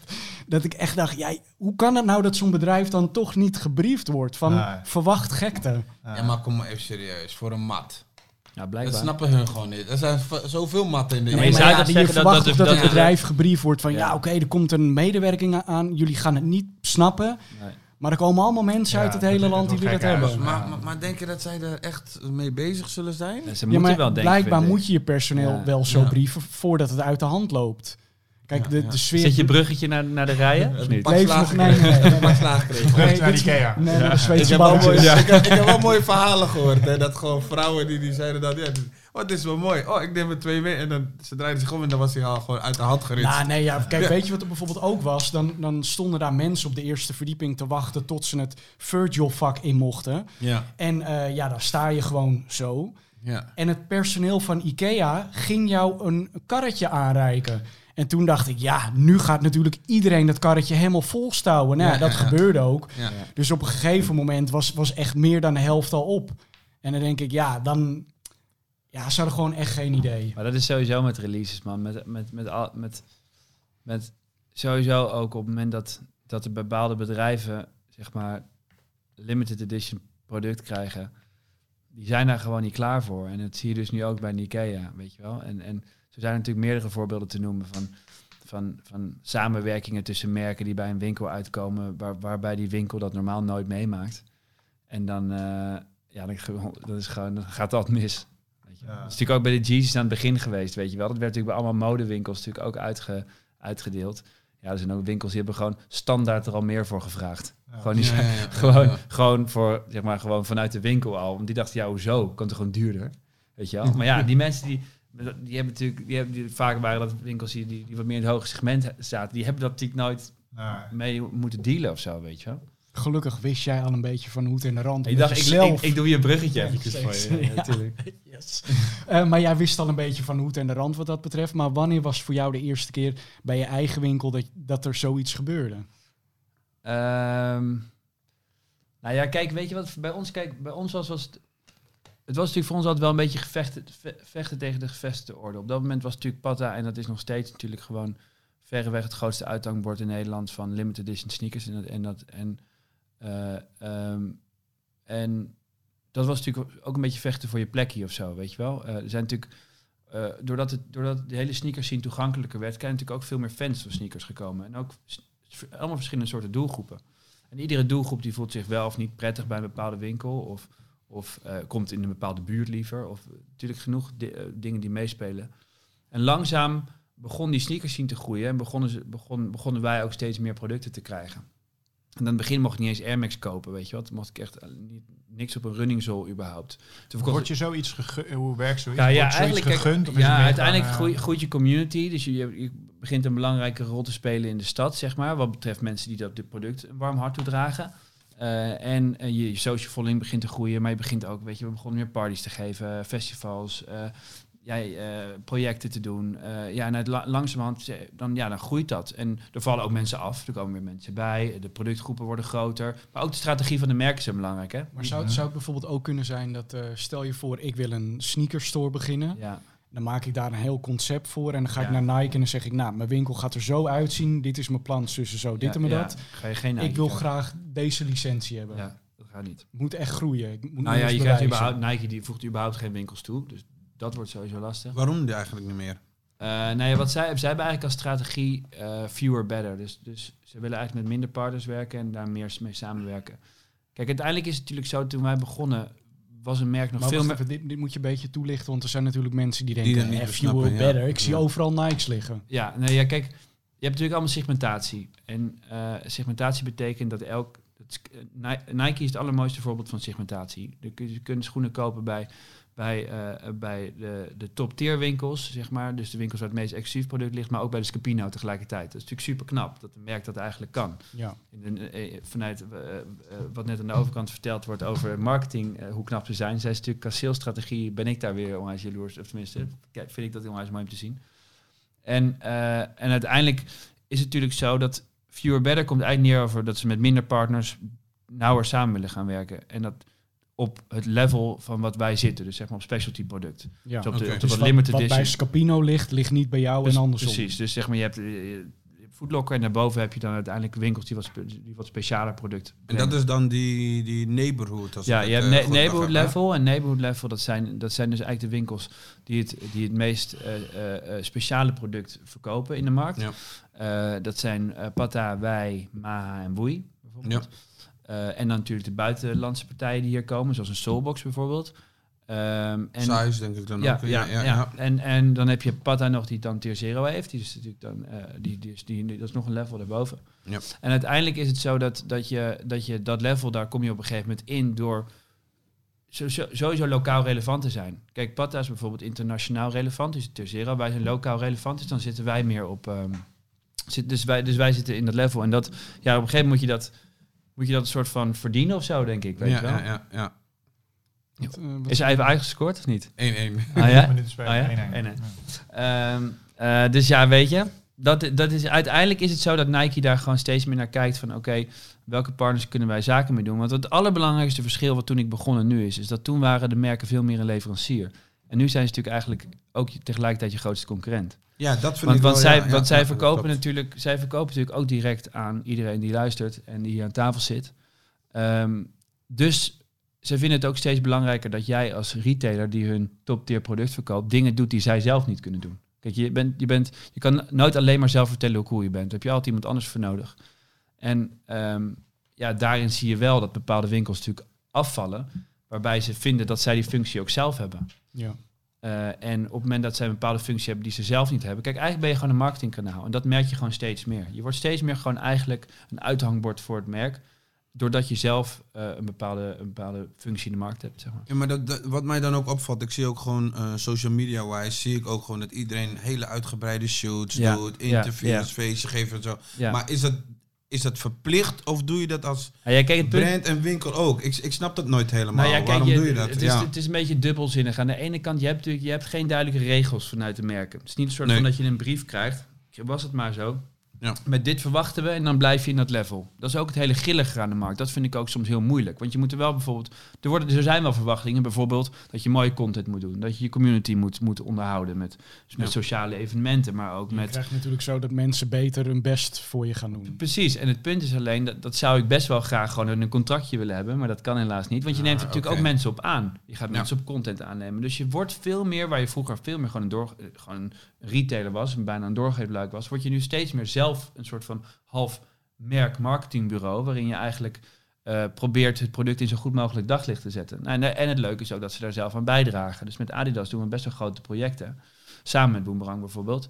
Ehm, waarin we, eh, wat een lekker bruggetje, waar, waar, waar, ehm, ja, waar, waar, waar zij echt best wel serieus geld aan uitbesteden. En dat wij dat maken. Kijk, daardoor zijn wij eigenlijk een soort van het marketingbureau. En daar Ja. betalen ze relatief minder voor dan dat ze normaal zouden doen aan een marketingbureau. ja, dus, En, wij, en ja, het komt vanuit ons natuurlijk heel authentiek over, omdat wij letterlijk dat product ook daadwerkelijk verkopen. En dat is wel iets wat ontzettend leuk is. En dat vind ik ook een onwijs toffe bijkomstigheid van die business nu, is dat dat kan, weet je. Je bent niet alleen maar gewoon een winkel, maar je bent ook echt bezig met hoe je een product zo goed mogelijk in de markt zet. En dat is ook leuk. En hoe beter je dat doet, ja, hoe serieuzer een merk je neemt en hoe meer tof product je krijgt. Hey, misschien heb ik het even gemist, daarom graag even kort.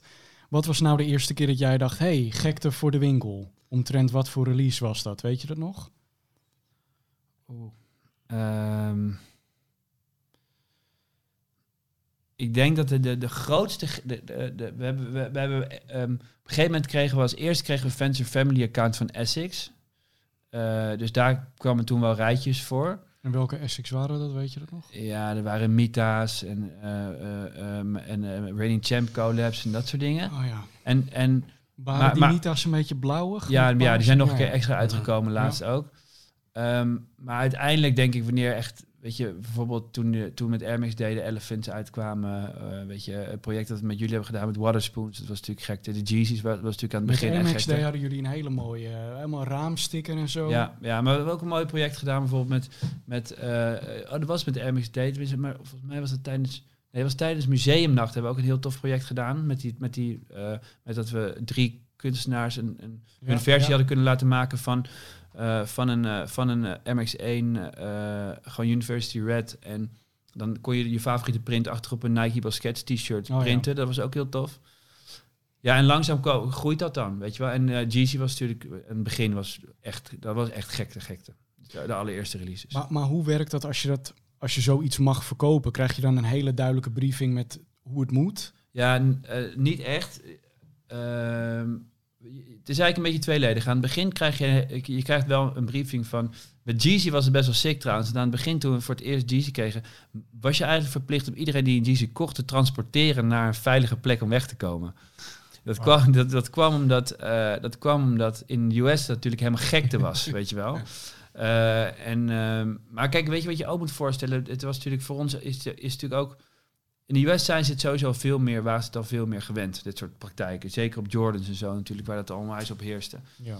En bij ons is het natuurlijk ook, we zijn natuurlijk ook gewoon op een gegeven moment gewoon een gek brutaal stadje. Dus op het moment dat jij eh 50 gasten voor de, of 100 gasten voor de deur hebt liggen, twee, drie dagen lang, en zelfs op die eerste Jeezys gewoon dat ze al vijf dagen van tevoren aan het, aan het camp waren. Ja, en jij fietst terug van de social club Lam eh, naar huis. En je ziet daar 100 man liggen. Ja, dan ga je natuurlijk lopen blaren, weet je wel. Dus het was ook altijd wel gouden hoer, moet ik zeggen. Eh, Maar met blaren bedoel je gewoon uh, Nou ja, praten? Of, ja, eh, kijk, op het moment, op het moment hey, jij- sukkels! Nee, nee, als jij er om vijf uur s'nachts nachts eh, langs fietst en je ziet daar honderd man voor de deur van de winkel liggen, weet je wel, dat, dat, dat zorgt wel eens tot confrontaties, ja, weet je wel. En Ja, maar je bedoelt dat, dat toevallige passanten dat dan Ja, deden. Ja, ja, ik denk dat je bedoelt jij. nee, nee, nee. Ja, nou, ik ben er ook wel eens lam bij aangesloten nog zelf voor de winkel, maar goed, dat is een ander verhaal. Maar het is, nee, maar het, het, het, is op een gegeven moment, het, het is wel, eh, eh, het is nu wel anders natuurlijk met alle raffles en zo. En, ehm, en dat is natuurlijk ook een beetje gecreëerd door het hele resell ding en het ook door een bepaalde vibe. Kijk, ik kan niet voor andere winkels spreken, maar het, is wel de trend van waar het in eerste instantie begon met gewoon echt pizza's eten, bier drinken met elkaar. Er waren geen checkpoints, want niemand ging ergens anders staan. Je stond daar en dat was gewoon jouw plek. Ja. En het ging mega gemoedelijk, weet je wel. En uiteindelijk was er super fijn contact met de shop. En dat ging allemaal vlekkeloos. En dat is natuurlijk wel veranderd. Doordat het gewoon op een gegeven moment voor kids een mega verdienmodel werd. En daardoor werd natuurlijk sowieso liefhebberij op dat moment gewoon minder. Dus dan is ook de sfeer minder. Kijk, op het moment dat jij nu bij Ajax in, in, in de, in de F-site gaat zitten... dan zal iedereen precies hetzelfde warme hart toedragen aan de club, weet je wel. Want niemand heeft een tweede agenda. Daar heeft natuurlijk heel veel mensen een tweede agenda. Dat verandert wel. En ook de grootte van toename van mensen natuurlijk, weet je wel. Eh, dus dan op een gegeven moment werden de raffles natuurlijk in het leven geroepen om het allemaal gemoedelijker te laten gaan. Kijk, bij ons kijkt natuurlijk op de Engelsgracht letterlijk een politiebureau gewoon op de, Op de hoek. Ja. op, de, op de hoek. Die kijkt gewoon de straat in. Ja, wij hebben er wel veel gezeik mee gehad. Ik weet, volgens mij was het bij Patten bij de Zeedijk. Ze ook veel, weet je wel, veel gezeik met de buren en zo. Dus ja, Want die dat- zeggen dan, we willen de rij niet voor de deur of haal dat ja. gespuis weg. Ja, als je kijkt, het, het, het punt is natuurlijk. eh, eh, ehm, kijk, wij benaderen dit natuurlijk helemaal vanaf een schoen die gekocht wordt. Maar iemand die daar random woont, die benadert dat helemaal niet zo. Die ziet daar gewoon een hele grote groep jongens liggen en die begrijpt het niet. En, en vanuit onbegrip komt onredelijkheid. En vanuit onredelijkheid komt eh, een belletje naar de politie. En van een belletje politie Ja, ja, ja. eh, heb ik ze aan de deur. Het is een beetje hoe het gaat. Eh, maar goed, we hebben er ook gewoon eigenlijk ook vaak genoeg scheid aan. Maar ehm, ja, hetzelfde gaat met events. Ik bedoel, het loopt ook steeds soms uit de hand. En drinken op straat mag ook niet. Maar ja, weet je, maar het is, het is, het is wel een leuke gewaarwording. En ja, inderdaad, weet je, je, je op een gegeven moment... Kijk, je hebt als je gewoon goede mensen hebt die ook komen eh, campen bij je, die regelen het ook vaak zelf. Hè? Ik bedoel, de eerste die komt, die maakt gewoon een goede lijst. En he- die heeft vaak een beetje overwicht ten opzichte van de rest van de groep. En dan loopt het eigenlijk allemaal wel. Voor, voor mensen die, die nog nooit gecampt hebben, kan je uitleggen wat zo'n lijst inhoudt? Nou ja, in principe is het zo dat vaak, er zijn natuurlijk allemaal verschillende manieren van, maar vaak gebeurt het zo dat de eerste die komt, die, die plakt een lijst op het raam. En eh, wij laten meestal weten dan welke maten dat het werkelijk beschikbaar zijn. Kijk, ik vind dat wel zo fair. Er zijn ook best wel eh, voorbeelden te noemen van, van wanneer dat niet gebeurt. Maar ja, ik vind het een beetje onzin om mensen drie dagen in de kou te laten liggen wanneer we hun En dan maat niet eens hebben. Weet je wel? en eh, ja. Dus uiteindelijk is het wel duidelijk. Kijk, op het moment dat je 30 paar hebt en je hebt van elke maat twee of drie. En je plakt het op de ruit, dan weet iedereen ook, oké, nou ik ben bijvoorbeeld nummer vier, er zijn er drie. Goede kans dat ik hem heb, want er valt er misschien wel een van de drie af, weet je wel. Dus, de- dus dat was dan duidelijk. Nou, dus dan is er een lijst op een gegeven moment. Nou, maar stel je voor, ik sta op die lijst. Ja. Kan ik dan naar huis gaan, lekker in bed liggen en laten Ja, wat ze terugkomen? wel doen is checkpoints. Dus wat ze dus doen is dat ze, dat ze, na, dat ze anderhalf uur of twee uur zeggen van... oké, weet je, eh, je mag dan terugkomen. Dus, je, dus dan is er een bepaalde tijd om bijvoorbeeld even naar de wc te gaan... of even een broodje te halen of zo. Wat wel steeds vaker gebeurt nu, eh, eh, zeker de laatste periodes... waarin het natuurlijk eigenlijk meer gaat om het doorverkoop van de schoen... dat ze die checkpoint steeds langer zetten... zodat ze een ander checkpoint ergens anders nog kunnen hebben bij. Ja. En, en, Dus ja, en dan zet ik ze gelijk. En dan heb je dus ruzie, zeg maar. Ja. Want dan zeg ik, nou, die checkpoints veranderen. En dan zet ik hem bijvoorbeeld tegelijkertijd. Ik heb een keer een hele discussie gehad met, met gasten. Die hadden hem, na- die hadden hem gezegd, om drie uur s'nachts moest je terugkomen. En, die, en, en om half vier konden ze bij de foodlocker. En zo ging het de hele tijd Ja, door. Waardoor ja. ze dus op een gegeven moment twee schoenen konden pakken. En twee, toen heb ik op een gegeven moment die checkpoint gelijk gezet. Ja, dan heb je dus een soort van stront aan de knikker. Wat je normaal dus nooit had gehad. Met gewoon normale, hoe het vroeger ging. Want dan, die mensen zaten daar, die, wat- dat was, leek wel een festival hoe gezellig het was, weet je wel. En nu is het alleen maar gewoon rush, rush, rush. Het is gewoon zaken doen, ja. Zaken doen, ja. Maar en wat geniet jouw voorkeur? Een rij voor de deur of een raffle? Ja, en rij voor de deur geniet sowieso mijn... en hoe het was, is een, een rij voor de deur is wel, wel, wel vind ik wel eh, het beste. Wat ik wel vind is dat, kijk, wij zijn ook een... eh, de sneaker, de sneaker, het sneaker, de sneaker game is ook gewoon veel breder getrokken dan dat het was. Weet je, natuurlijk zijn er puristen die altijd zullen zeggen, zo hoort het, zo moet het zijn. Maar er zijn gewoon ook onwijs Ja, veel... tijden veranderen. Ja, er zijn zoveel mensen, weet je. eh, Kijk hoe jij bijvoorbeeld met sneakers omgaat. Weet je jij draagt ze een warm hart toe en jij koopt ze bijvoorbeeld voor resale, omdat jij gewoon die schoen wil hebben. En zo zijn er ook genoeg van onze klanten die bijvoorbeeld al wat ouder zijn, of die vroeger wel zouden campen, maar nu ook gewoon wat ouder zijn en gewoon werk hebben, of misschien een kit hebben. Of, en voor hun werkt een raffle wel. En ik vind het op zich wel heel tof dat je op deze manier een klant breder de kans kan geven Ja, om een schoen ja. te, eh, te, te, te, kunnen, te kunnen bemachtigen.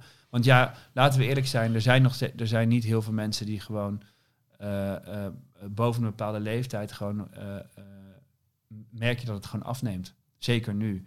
En dat is, dat is, weet je, de liefhebberij is gewoon veel breder getrokken. En ik vind dus ook dat je het verkoopmodule breder zou moeten kunnen trekken. Maar mag ik je wat vragen? Je zegt dan van het is breder getrokken. Heb je wel eens meegemaakt dat je gewoon voor de deur zag dat iemand bijvoorbeeld die schoen kocht? En dat Ja. je dan zei van ja mag hier nooit meer komen of heb je zoiets van het is verkocht? Ja, kijk, het punt is een beetje, je kan het wel tegen die gozer zeggen, maar de volgende doet het om een hoek en is het dan wel goed, weet je wel? Of moet Ja, je... en ik zou bijna denken, dat doen ze dan toch online, ja. Ja, weet je, het punt is wat ik wel heel, wat ik wel eh, heel aan het begin. Kijk, in het begin was ik ook gewoon heel principieel in, weet je wel. Eh, eh, ik was gewoon heel principieel in het. Hoe staat het? 1, 2. Voor? Ajax. Ja. Eh, eh, 1, 2, eh, eh, 1, 2. Eh, was, het, was ik heel principieel erin. Ehm, maar ja, dat verdienmodel wordt ook gewoon steeds meer... Het is er ook gewoon, weet je wel. Je kan wel zeggen dat het er niet is, maar het, weet je wel, het is er. En ik vind het wel jammer, weet je wel. Ik vind het wel... eh, eh, ik vind wel dat het... Dat, ja, je, weet je, eigenlijk zou je gewoon willen dat iedereen ze aantrekt en met de deur uitloopt. Maar wat ik wel heel irritant... toen in Duitsland, geloof Ja. ik. China en Duitsland. Voor mij Ja. ook wel eens in Nederland. Heeft Ja. ook wel eens winkels gedaan. Voor mij zelfs... Al, al vind ik dat ook wel brutaal. Want bijvoorbeeld, Ja. ik, ik heb ook schoenen. Ja, die vind ik zo mooi. Daar, Ja. Ik hoef daar niet op te lopen. Nee. Ik zeg je eerlijk, als is ik ook in een niet eens winkel mijn zou zijn en model iemand zou tegen mij zeggen je moet hem aantrekken kopen in. Ik gooi hem naar hem Ja, toe en ik zeg, je, kijk, ja, ik heb- zitten. Ik Ja, dat was volgens Ja. mij dat je die mensen om de hoek van de straat met een soort eh tandenborstel Ja, ja, ja. schoonmaken. Ja. Maar ja, kijk, het punt is, ik denk dat je op een gegeven moment... Kijk, je- er zijn, je kan in als shop daar heel erg mee ben- eh, bemoeien. Maar ik denk dat je op een gegeven moment ook gewoon... Je hebt ergens die functie om die schoenen aan te bieden. Ja. Eh, je hebt reglement hoe je ze moet releasen. Het is ook veel vaker dat een merk vraagt om, om, om, om, eh, om een raffle. Zeker Mhm. aan het begin met Jeezy was dat omdat het gewoon echt uit de hand liep. En het ook gewoon grimmig kon worden. En dat is natuurlijk ook niet goed voor het merk. Nee. Dus, en ook niet goed voor ons. Kijk, wij zijn natuurlijk, een, wat je aan het begin zei, ben je nou een, een, een kledingwinkel, ben je een lifestyle store, ben je een sneaker store. Wij hebben natuurlijk ook gewoon een hele grote klantengroep die niet per se die Yeezy wil halen. Die gewoon op zaterdag gewoon, gewoon even lekker een North Project Ja. eh, truitje Ja, wil ja, kopen. Of eh, weet ik veel. En ja, die moet ook gewoon terecht kunnen, weet je wel. Dus dat is wel iets met een, wat een raffle natuurlijk mogelijk maakt. Kijk, ik, ik, ik wil wel even eh, inhaken op iets. eh, of het goed is voor het merk. Sorry, ik vind dat de merken dit creëren.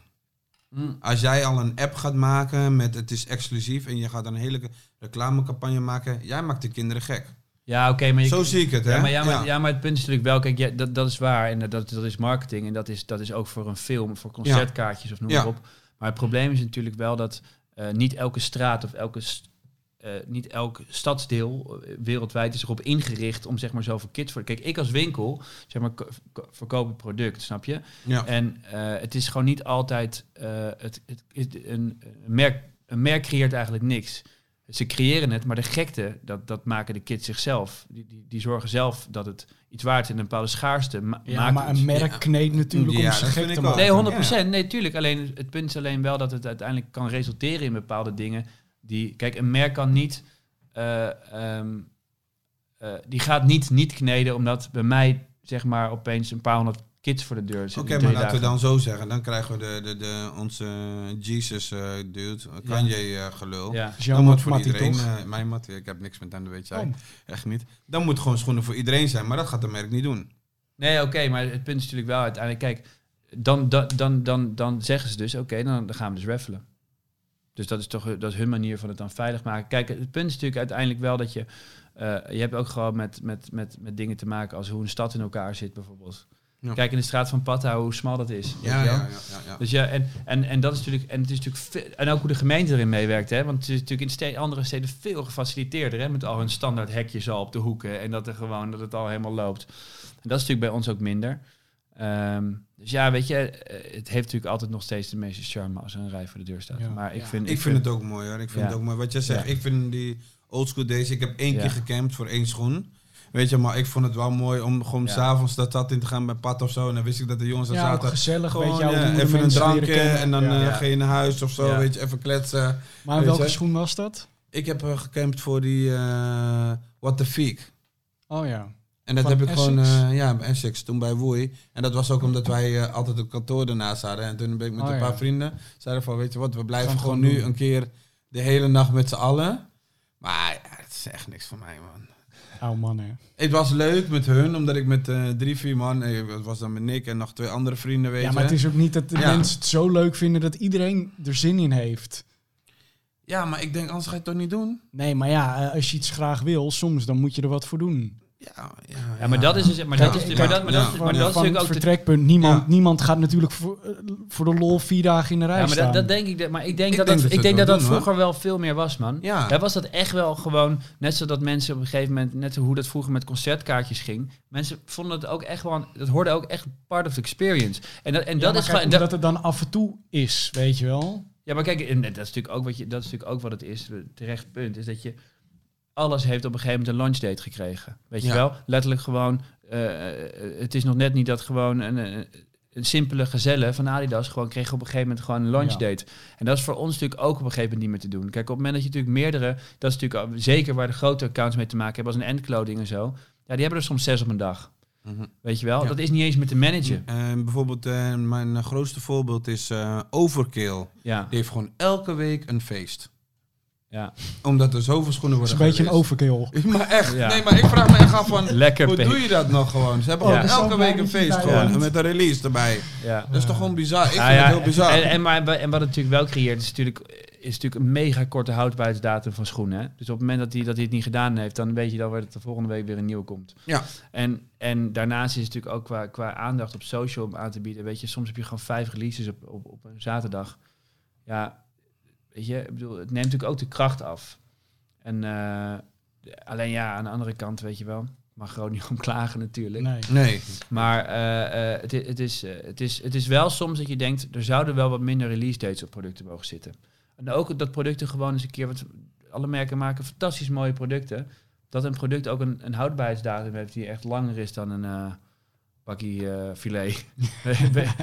Dat is een mooi Ja. voorbeeld. Ik, ik weet nog een heel mooi voorbeeld. Bijvoorbeeld die GC1. Ja, niemand was daar.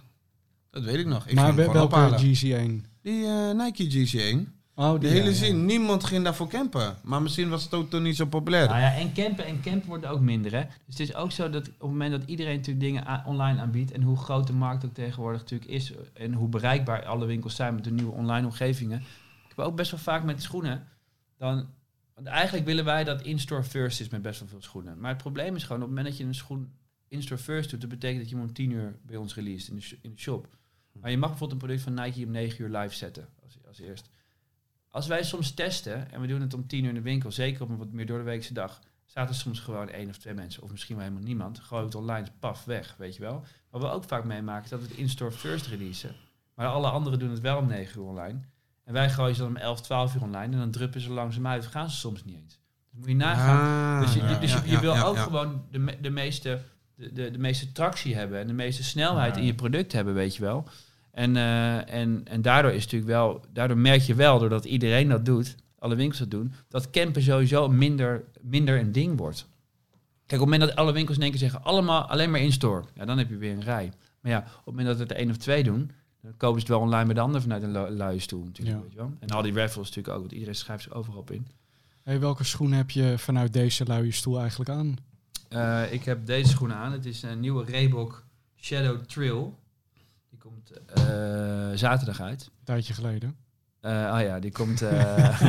Die is al Ja. oud. ja, die is al Ja, oud. oud. Ik, denk een schoen aan te trekken die nog niet uit is, maar nu is hij wel uit. Nee, wel heel tof. Het is, het is, het is eigenlijk Reebok die een soort van eh, sidestep, tenminste een nieuwe stap maakt. Na- naast al het klassieke, natuurlijk eh, Club C, eh, vintage, court verhaal. En ehm, ja, ik denk dat het echt een hele, dat echt wel een ding gaat worden. Ik denk sowieso dat, ik merk sowieso dat het hele, het hele overfunctional trend wel zich wel echt doorzet. Weet je wel, je, het hele ACG-verhaal bij Nike is natuurlijk super sterk. New Balance die brengt, die heeft natuurlijk wel echt het patent op de dead shoe. En dat brengen ze nu ook met, met wat meer, met meer 2000 gerelateerde schoenen Zijn uit. zij nou Dead Shoe? Ja. Wat is het? Oh, Dead Shoe. Ja, Dead Shoe. van Ja, ja, dood. nee, nee. En hoe heette die Puma's schoenen? Die Puma's. Ook die soort chunky schoenen. Daar zie ik ook echt extreem veel mensen op lopen. Ik weet echt niet hoe dat model heet. Die Tinders. Ja, is ook een beetje Ah, zo bulky. ah, RX. Ja, ja, ja. Ja, de- weet je, en ik denk wel, maar ik, ik denk zeker op merken als bijvoorbeeld een, eh, weet je, ik verkoop Essex op dit moment niet, maar het voelt toch langzaam wel weer een beetje alsof daar wat gaat gebeuren. Omdat je die, die we hebben natuurlijk een tijd gehad dat zeg maar de wat meer oudere, de oudere ru- runners, eh ehm, meer de 90 trend zich natuurlijk doorzetten. Nu, nu komt die 2000, 2000 trend, waardoor het toch allemaal wat technischer wordt. Ik denk dat dat wel een vibe is waar Essex ook wel weer goed in kan eh, presteren. Ehm, ja, we hebben het aan het begin een heel klein beetje aangestipt, maar ja, heb jij eigenlijk veel schoenen? Of laat ik, ik, heb het, ik heb namelijk het idee dat het jou heel, helemaal koud laat. Nou, niet helemaal, niet helemaal koud. Ik, ik, ehm, ik heb op een gegeven moment wel... De, ik heb heel veel schoenen verkocht... eh, eh, om een begininvestering van Baskets te kunnen financieren. Dus daar heb ik wel heel veel afscheid gedaan aan, aan alle Amsterdams en, en alle dingen waar- waarvan ik nu nog veel meer had kunnen krijgen. Maar eh, toen heb ik afscheid... ehm, en op een gegeven moment denk ik wel dat, dat het hele, het hele eh, eh, ehm, lifestyle stuk in zijn algemeen mij heel erg boeit. En daar zijn sneakers een onderdeel van. Ja, dus ik, ja, ja. ik, dus eh, ik vind zeker eh, sneakers eh, tof. En ik denk dat ik, eh, ik veel, 100, 150 paar thuis heb. Eh, maar ik draag echt alles. En het kan ook heel goed zijn dat ik een bepaalde fase gewoon alleen maar witte Air Forces aan heb. Ehm, maar ik vind vooral, eh, mij, heb je, mij persoonlijk niet meegaan met exclusiviteit. Mij heb je meer met een soort van verhaal wat erachter zit. Of een stuk vernieuwing wat ik bijvoorbeeld heel tof vind. Ja, maar ik vind wel vaak bij exclusiviteit wordt zo'n verhaal ja, gemaakt. Maar, ja, maar je kan natuurlijk een verha- verhaal maken. Maar ik vind bijvoorbeeld, nu komt eh, die 860 van, van New Balance komt terug. eh, waar je dus echt wel die technische elementen in kan zien. Ik zoek hem even op, eh, op de sneakerjagers release page. Ja. Volgens mij wordt hij er net opgezet, of niet Erik? Zeg nog eens. 860. Ja, Ja, ja, nou, hij, er is een End Collab uitgekomen eerst. Ja, die Eh, ja, en de, de volgende twee kleuren staan er nog niet op. Maar die worden er vast hartstikke op toegevoegd zo meteen. Maar eh, ja, die schoen die, die is niet per se een, eh, een collab met, weet je wel. Dat is, vind, vind ik gewoon echt een toffe schoen. Hij, wordt wel exclusief gedistribueerd. Volgens mij krijgen Patta en wij hem. Ehm, maar dat heeft dan gewoon een bepaalde vibe die ik heel tof vind. Weet je, omdat het gewoon die technische elementen heeft. Ik ben best wel van technische sneakers. Ehm, ook misschien omdat ik gewoon heel veel aan het begin verzameld heb in MX1 en MX90. Dat ik dat toen heb moeten verkopen. Tenminste, moeten verkopen. Ik heb daar baskets van, van kunnen financieren. En eh, ehm, dat ik dan misschien ook wel juist nu de nieuwe dingen heel tof vind of zo. Dus bijvoorbeeld die, die, die Reacts van Nike vind ik tof. ACG vind ik tof. Ik ben, heel veel outdoor dingen vind ik heel tof. Daar, ben ik, daar koop ik vooral veel van. Eh, en ik rach ook echt heel veel af, man. Dus ook heel veel gaat stuk. Ik weet, jij hebt een motor. Zijn Ja. er eigenlijk schoenen die jij niet op de motor aandoet omdat je zo moet schakelen met je schoen? Ja, ja ik had toen... Dat toen ik, voor mij. het is- Ja, ik, maak me, ik heb geen motor, ik maak me daar nu al alles, alle, Bijna alle schoenen die ik veel draag hebben een zwarte plek eh, bij mijn eh, linkervoet eh, boven. Ehm, eh, ik had wel toen ik... ik heb één paar wat we echt... En het best...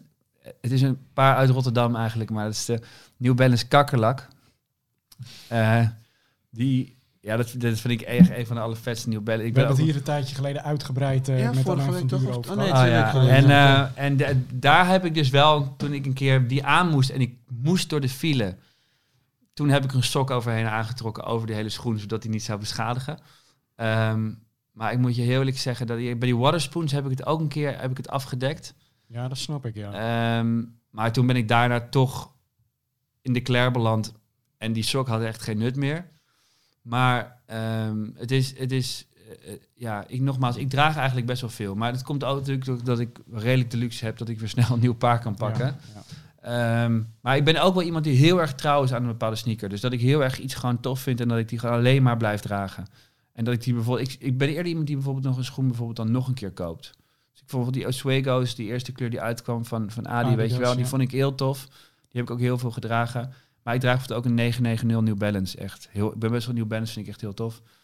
Eh, dus die 990 New Balance in het grijs, daar heb ik er volgens mij echt drie of vier van. En die eigenlijk ook, als je het even marketing hebt met de, met de Dead in Ohio. eh, Ja, ja. ja Model en, ehm, Ah, ik vind ook die eh, campagne mooi. Ik heb daar nu twee beelden van gezien. Maar dan moet je even helpen hoe dat merk heet. Het is Aime Leon. Amélie Doré. Ja, man. Ja. Met zo'n oude vrouw Ja. met de boodschappen. En Ja. die heeft dan die New Balance Ja. aan. Ja, vind ik echt twee hele Maar dat was trouwens foto's. ook een van de eerste momenten dat ik een rij voor de deur had. Toen we, toen we dat merk, toen het merk nog niet wholesale deed, toen had ik contact met hem. Toen hebben we hem naar Amsterdam gehaald.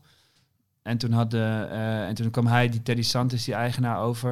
En toen hebben we eigenlijk die collectie die, die alleen maar hij nog zelf verkocht in de winkel toen eh, in de pijp gelanceerd samen met die collab met Filling Pieces. Daar was ook toen wel een rij voor de deur. Die, eh, maar dat merk is echt fucking, echt, echt, dat vind ik echt een heel tof merk. Ja, zeker. Zeker, onze, onze payoff is Neighborhood Apparel. En dat hadden we bedacht voordat Nike ne- Neighborhood level eh, in, in, in, eh, in ere begon.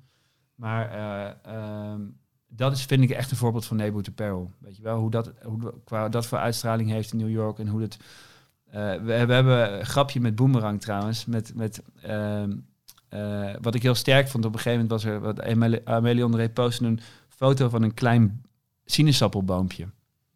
En eh, ik wist gewoon dat ik er langs scrollde dat dat een Amélie Doré post was. Maar ik zag alleen maar een boompje met sinaasappels, weet je wel, zonder dat ik die naam had gezien.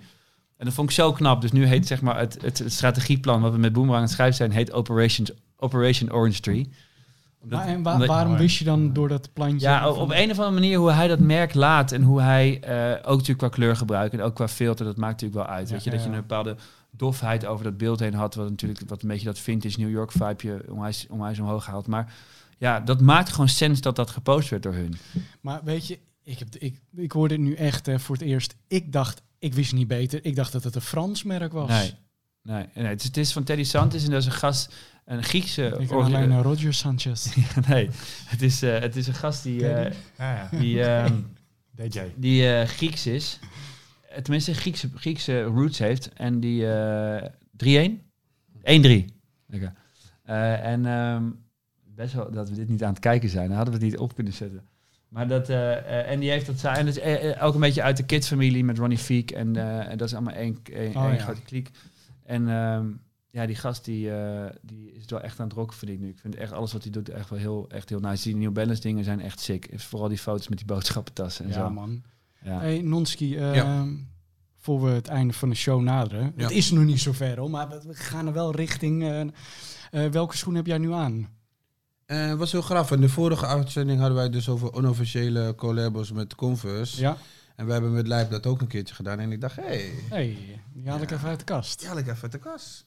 En tada! Oh ja. Ja. Maar en eh, het logo van Lijp zit eh, op de hiel. Ja, Hoe Ik is dat gestikt of gedrukt? ik weet echt niet meer hoe ze dat hebben gedaan. Wij, Laten we even goed zien. wij, moesten toen, wij mochten toen een schoentje doen en het was heel gedoe met Amerika en goedkeuring. En ik weet dat we er meerdere hebben gedaan en dat is uiteindelijk hebben ze dit dat gedaan. Maar ik denk dat het gewoon gedrukt is of zo. Oh ja. En het ziet er wel goed op, want ik weet, ik heb nog twee andere paardjes, die heb ik afgesleten. En dit is het enige wat nog netjes erop zit. Dus misschien met een persdruk of iets dergelijks of zo, of zo'n ja, ja. ronding of zo, hebben ze dat toen destijds gedaan, ja. Op dit moment draag ik eh, Adidas Pro Model. Wat eigenlijk een soort hoge superstars zijn. Was dat niet een basketbalschoen? Dat zou goed kunnen. Dus zo oogt het wel. Mhm. Het is ook wel een beetje een b-boy eh.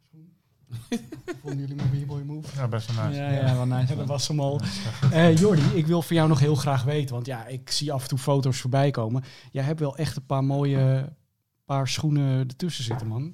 Ja, ik We vind... weten dus die blazers van Off-White die je ja, nu daar heb ik twee van, dus die oranje en die zwarte. Ik oh, heb die Halloween eh Ja, ja en vet. die eh Vapormax, ook zo'n off-white schoentje daar, daarvan. Eh, Air Jordan, die blauw-witte.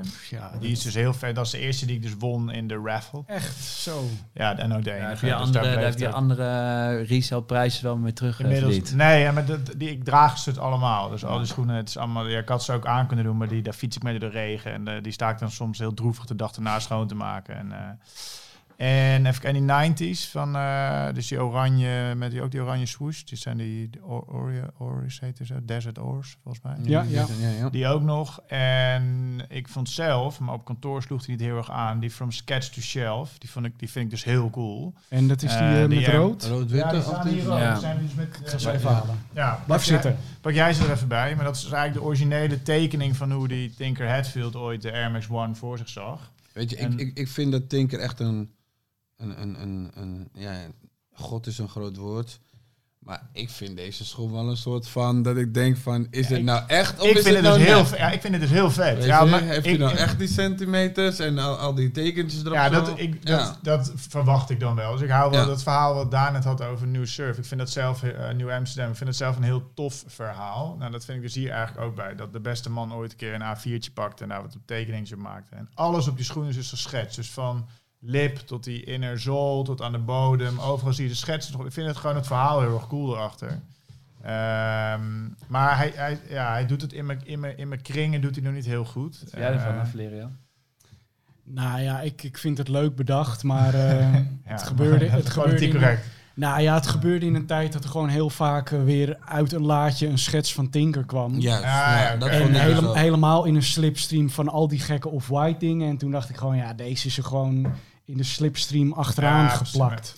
Maar goed, je hebt ze dus ook nog in het zwart. Precies, en die, is, en die die is witte. echt botlelijk, die zwarte. Die vind ik helemaal niet Die vind en ik die juist de mooiste. Ja? Nou ja, Ja, ik vind ja. deze dus weer... Het maar daar minst opvalt. Ja, Ja, nou, ik vind dit... een- En, eh, en die, die, even kijken, die eh, para's ook nog. Van, die heb ik ook nog. Ja, die kan je er nog bij pakken. Maar die vind ik zelf ook nog best wel tof. Eh, dat is klaar, ja.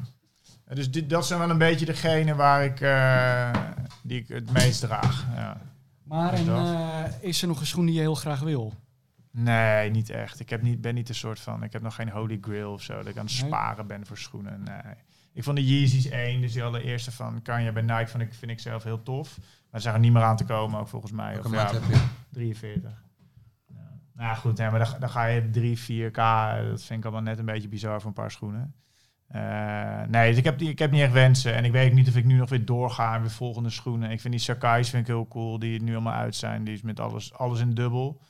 Vind ik, dat, ja, ik vind ook dat... Ik, ik- soms, soms vind ik een soort van het, Eh, het, ja, het, het slimme ontwerp erachter vind ik wel tof. Weet je. Het is niet per se technisch wat jij zei, maar meer gewoon grappig gevonden. Ja. Dat iemand dan, nou ja, dat iemand dan weer verzint alles dubbel te doen. En ik weet nog niet per se of ik ze heel mooi vind. Ik heb die hoge, die eh, blazers ook. Ja. Die blauw-witte. Ja, ik twijfel nog een beetje. Het zijn ook wel lompe schoenen gewoon.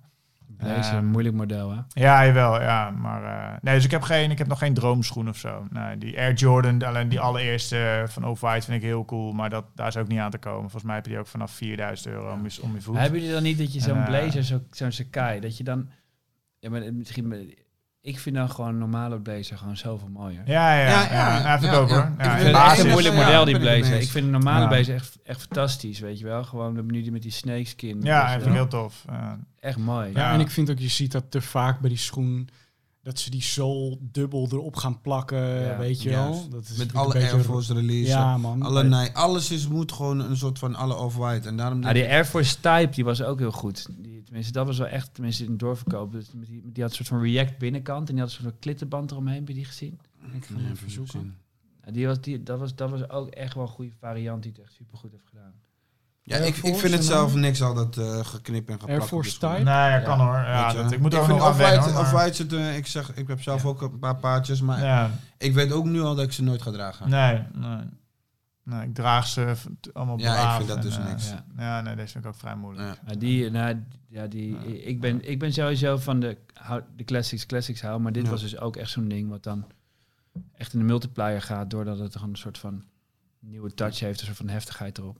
En ik vind die Cortez vind ik eigenlijk ook best wel een hele harde schoen. Ik Dat ik vroeger had ik dat echt, toen zat ik op de middelbare, het interesseerde. Ik droeg Salty Dog kleding. Het was echt treurig. Ik ook. ja, eh, fucking vet. Ik had een afritsbroek van Sal- Salty Dog. Heb ik gewoon hard voor ja, zitten sparen. Nu Fucking we het over de middelbare school hebben. Jij had het over eh, die kameraad van je van Nieuw Amsterdam Surf, eh, Association. exact. Eh, dat hij een, hoe heet het merk? Zeep? Zo? De zeep. Ja. Ehm, toen ik op de middelbare school zat, had je op een gegeven moment schoenen van het merk Soap. Met zo'n, met zo'n blok eronder. Daar kon je ermee grinden. Ja. Oh. ja. En nou zag ik in een oogwenk op internet voorbij komen dat ze erover na zitten te denken om die schoen terug te brengen. Maar ik moet wel eerlijk zeggen, ik heb alleen de kop van het artikel gelezen, dus het fijne weet ik hier niet van. Maar daar moest ik even over na, of, eh, aan denken. Ja. Maar heb je die ook bewust meegemaakt toen? Die, Want wij zijn ongeveer even oud, toch? Nee, niet die schoen waar jij het over hebt, niet. Nee, maar Oh. ik had Cortez, dat vond ik echt een hele... En ik zag dus laatst met groot plezier dat ze weer een beetje aan het terugkwamen waren. Het wat samenwerking, Stranger Things, dat volgens mij zo'n Ja. Oh ja, dingetje. En die Kendrick heb- sloffen ervan. Ja, precies. Ja, ik heb ze tot op heden nog niet in mijn kast liggen, maar ik vond het wel grappig omdat toen het voel je echt een opa. Dat droeg ik ook, weet je wel. Dat, eh, ja. Maar goed, misschien eh, binnenkort, maar Ehm, ik, ik kan altijd ademloos naar jouw verhalen luisteren. dank je. Eh, jij geeft ook zo nu en dan een lezing. Ik geef heel veel eh, presentaties, ja. Dat mag dan als je een beetje bij een reclamebureau werkt. En eh, ga ik, sta ik wel eens voor scholen en zo te vertellen over marketing en advertising en social media. En dat vind ik super leuk om te doen. Dus ik rijd het hele land door en scholen dan wat minder, maar vaak op van die ja, congressen over marketing of reclame of dat soort dingen. Ja, vind ik het altijd heel leuk om voorbeeld te laten zien. En er een paar noemde ik net al door de, door de mic. En ehm, ja, wat ik net al zei, ik vind het gewoon leuk dat anderen ook een beetje kunnen zien wat er gemaakt wordt in die kleine kring waarin wij het allemaal een beetje maken. Vaak in Amsterdam en Rotterdam. En, eh, dus dat vind ik heel tof om te doen. Ja. Voor we eruit gaan wil ik nog van je weten, wat is nou echt een belabberd slechte reclamecampagne in jouw ogen? Jezus. De, eer- eh, pff, meteen is dat, denk ik nu aan die eh, René Vroger, eh I ja. Wish. wat Ah, I love, ja. I Love, ja.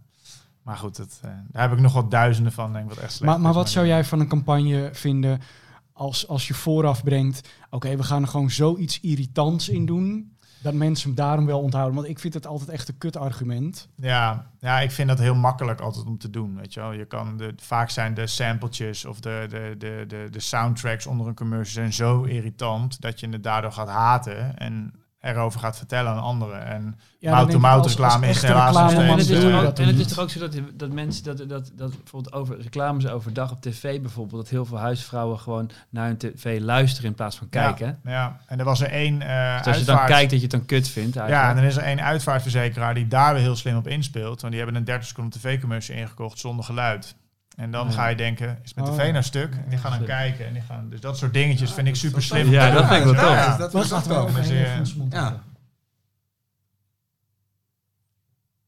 Kijk, mensen gingen nu aan een dingetje. ja, Daar ja, staat hij wel aan, weet je. ja, is ja, best wel slim. Ja. Ik had vroeger, dat moet ik nog even vertellen, heeft niks met schoenen te maken. Ik had vroeger een luister-cd van Ome Henk. Kennen jullie die? Ja? Ik wil heel even daarop inbreken. Die heb ik nagedaan in mijn eh, musical op eh, basisschool. ik was ome Henk. Ja, ik weet niet of jij de satellietschoten kent. Dat stuk dat de satelliet op zijn dak stond. Die stuk was door stormers afgewaaid. Ik was daarin ome die Henk. ik Hoe oud zijn jullie Ja. dan? Ik ben eh, 35. 36. Ja. En hoe oud ben jij? 31. Nou ja, dit is echt dit is open verteld dan. Oh, ja, maar die, die Ja, hadden de laatste Henk. track van die cd.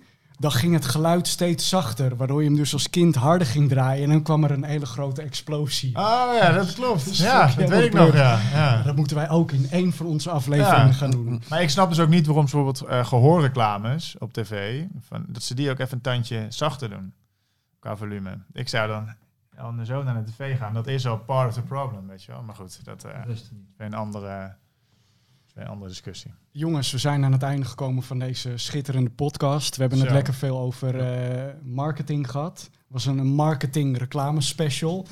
Eh, nou, wil ik alleen nog weten, wat gaan jullie met oud en nieuw doen? Want het staat op de deur te bonzen. Wat zijn jullie plannen? Dit is rond Pasen opgenomen, dus we, we hebben geen idee. Eh, nee. bedankt voor het komen naar de headquarters van Sneakerjagers. Bedankt voor het luisteren of kijken. Vergeet je niet te abonneren. En tot de volgende keer. Dat is alweer eh, de laatste aflevering van seizoen 1. Tot dan.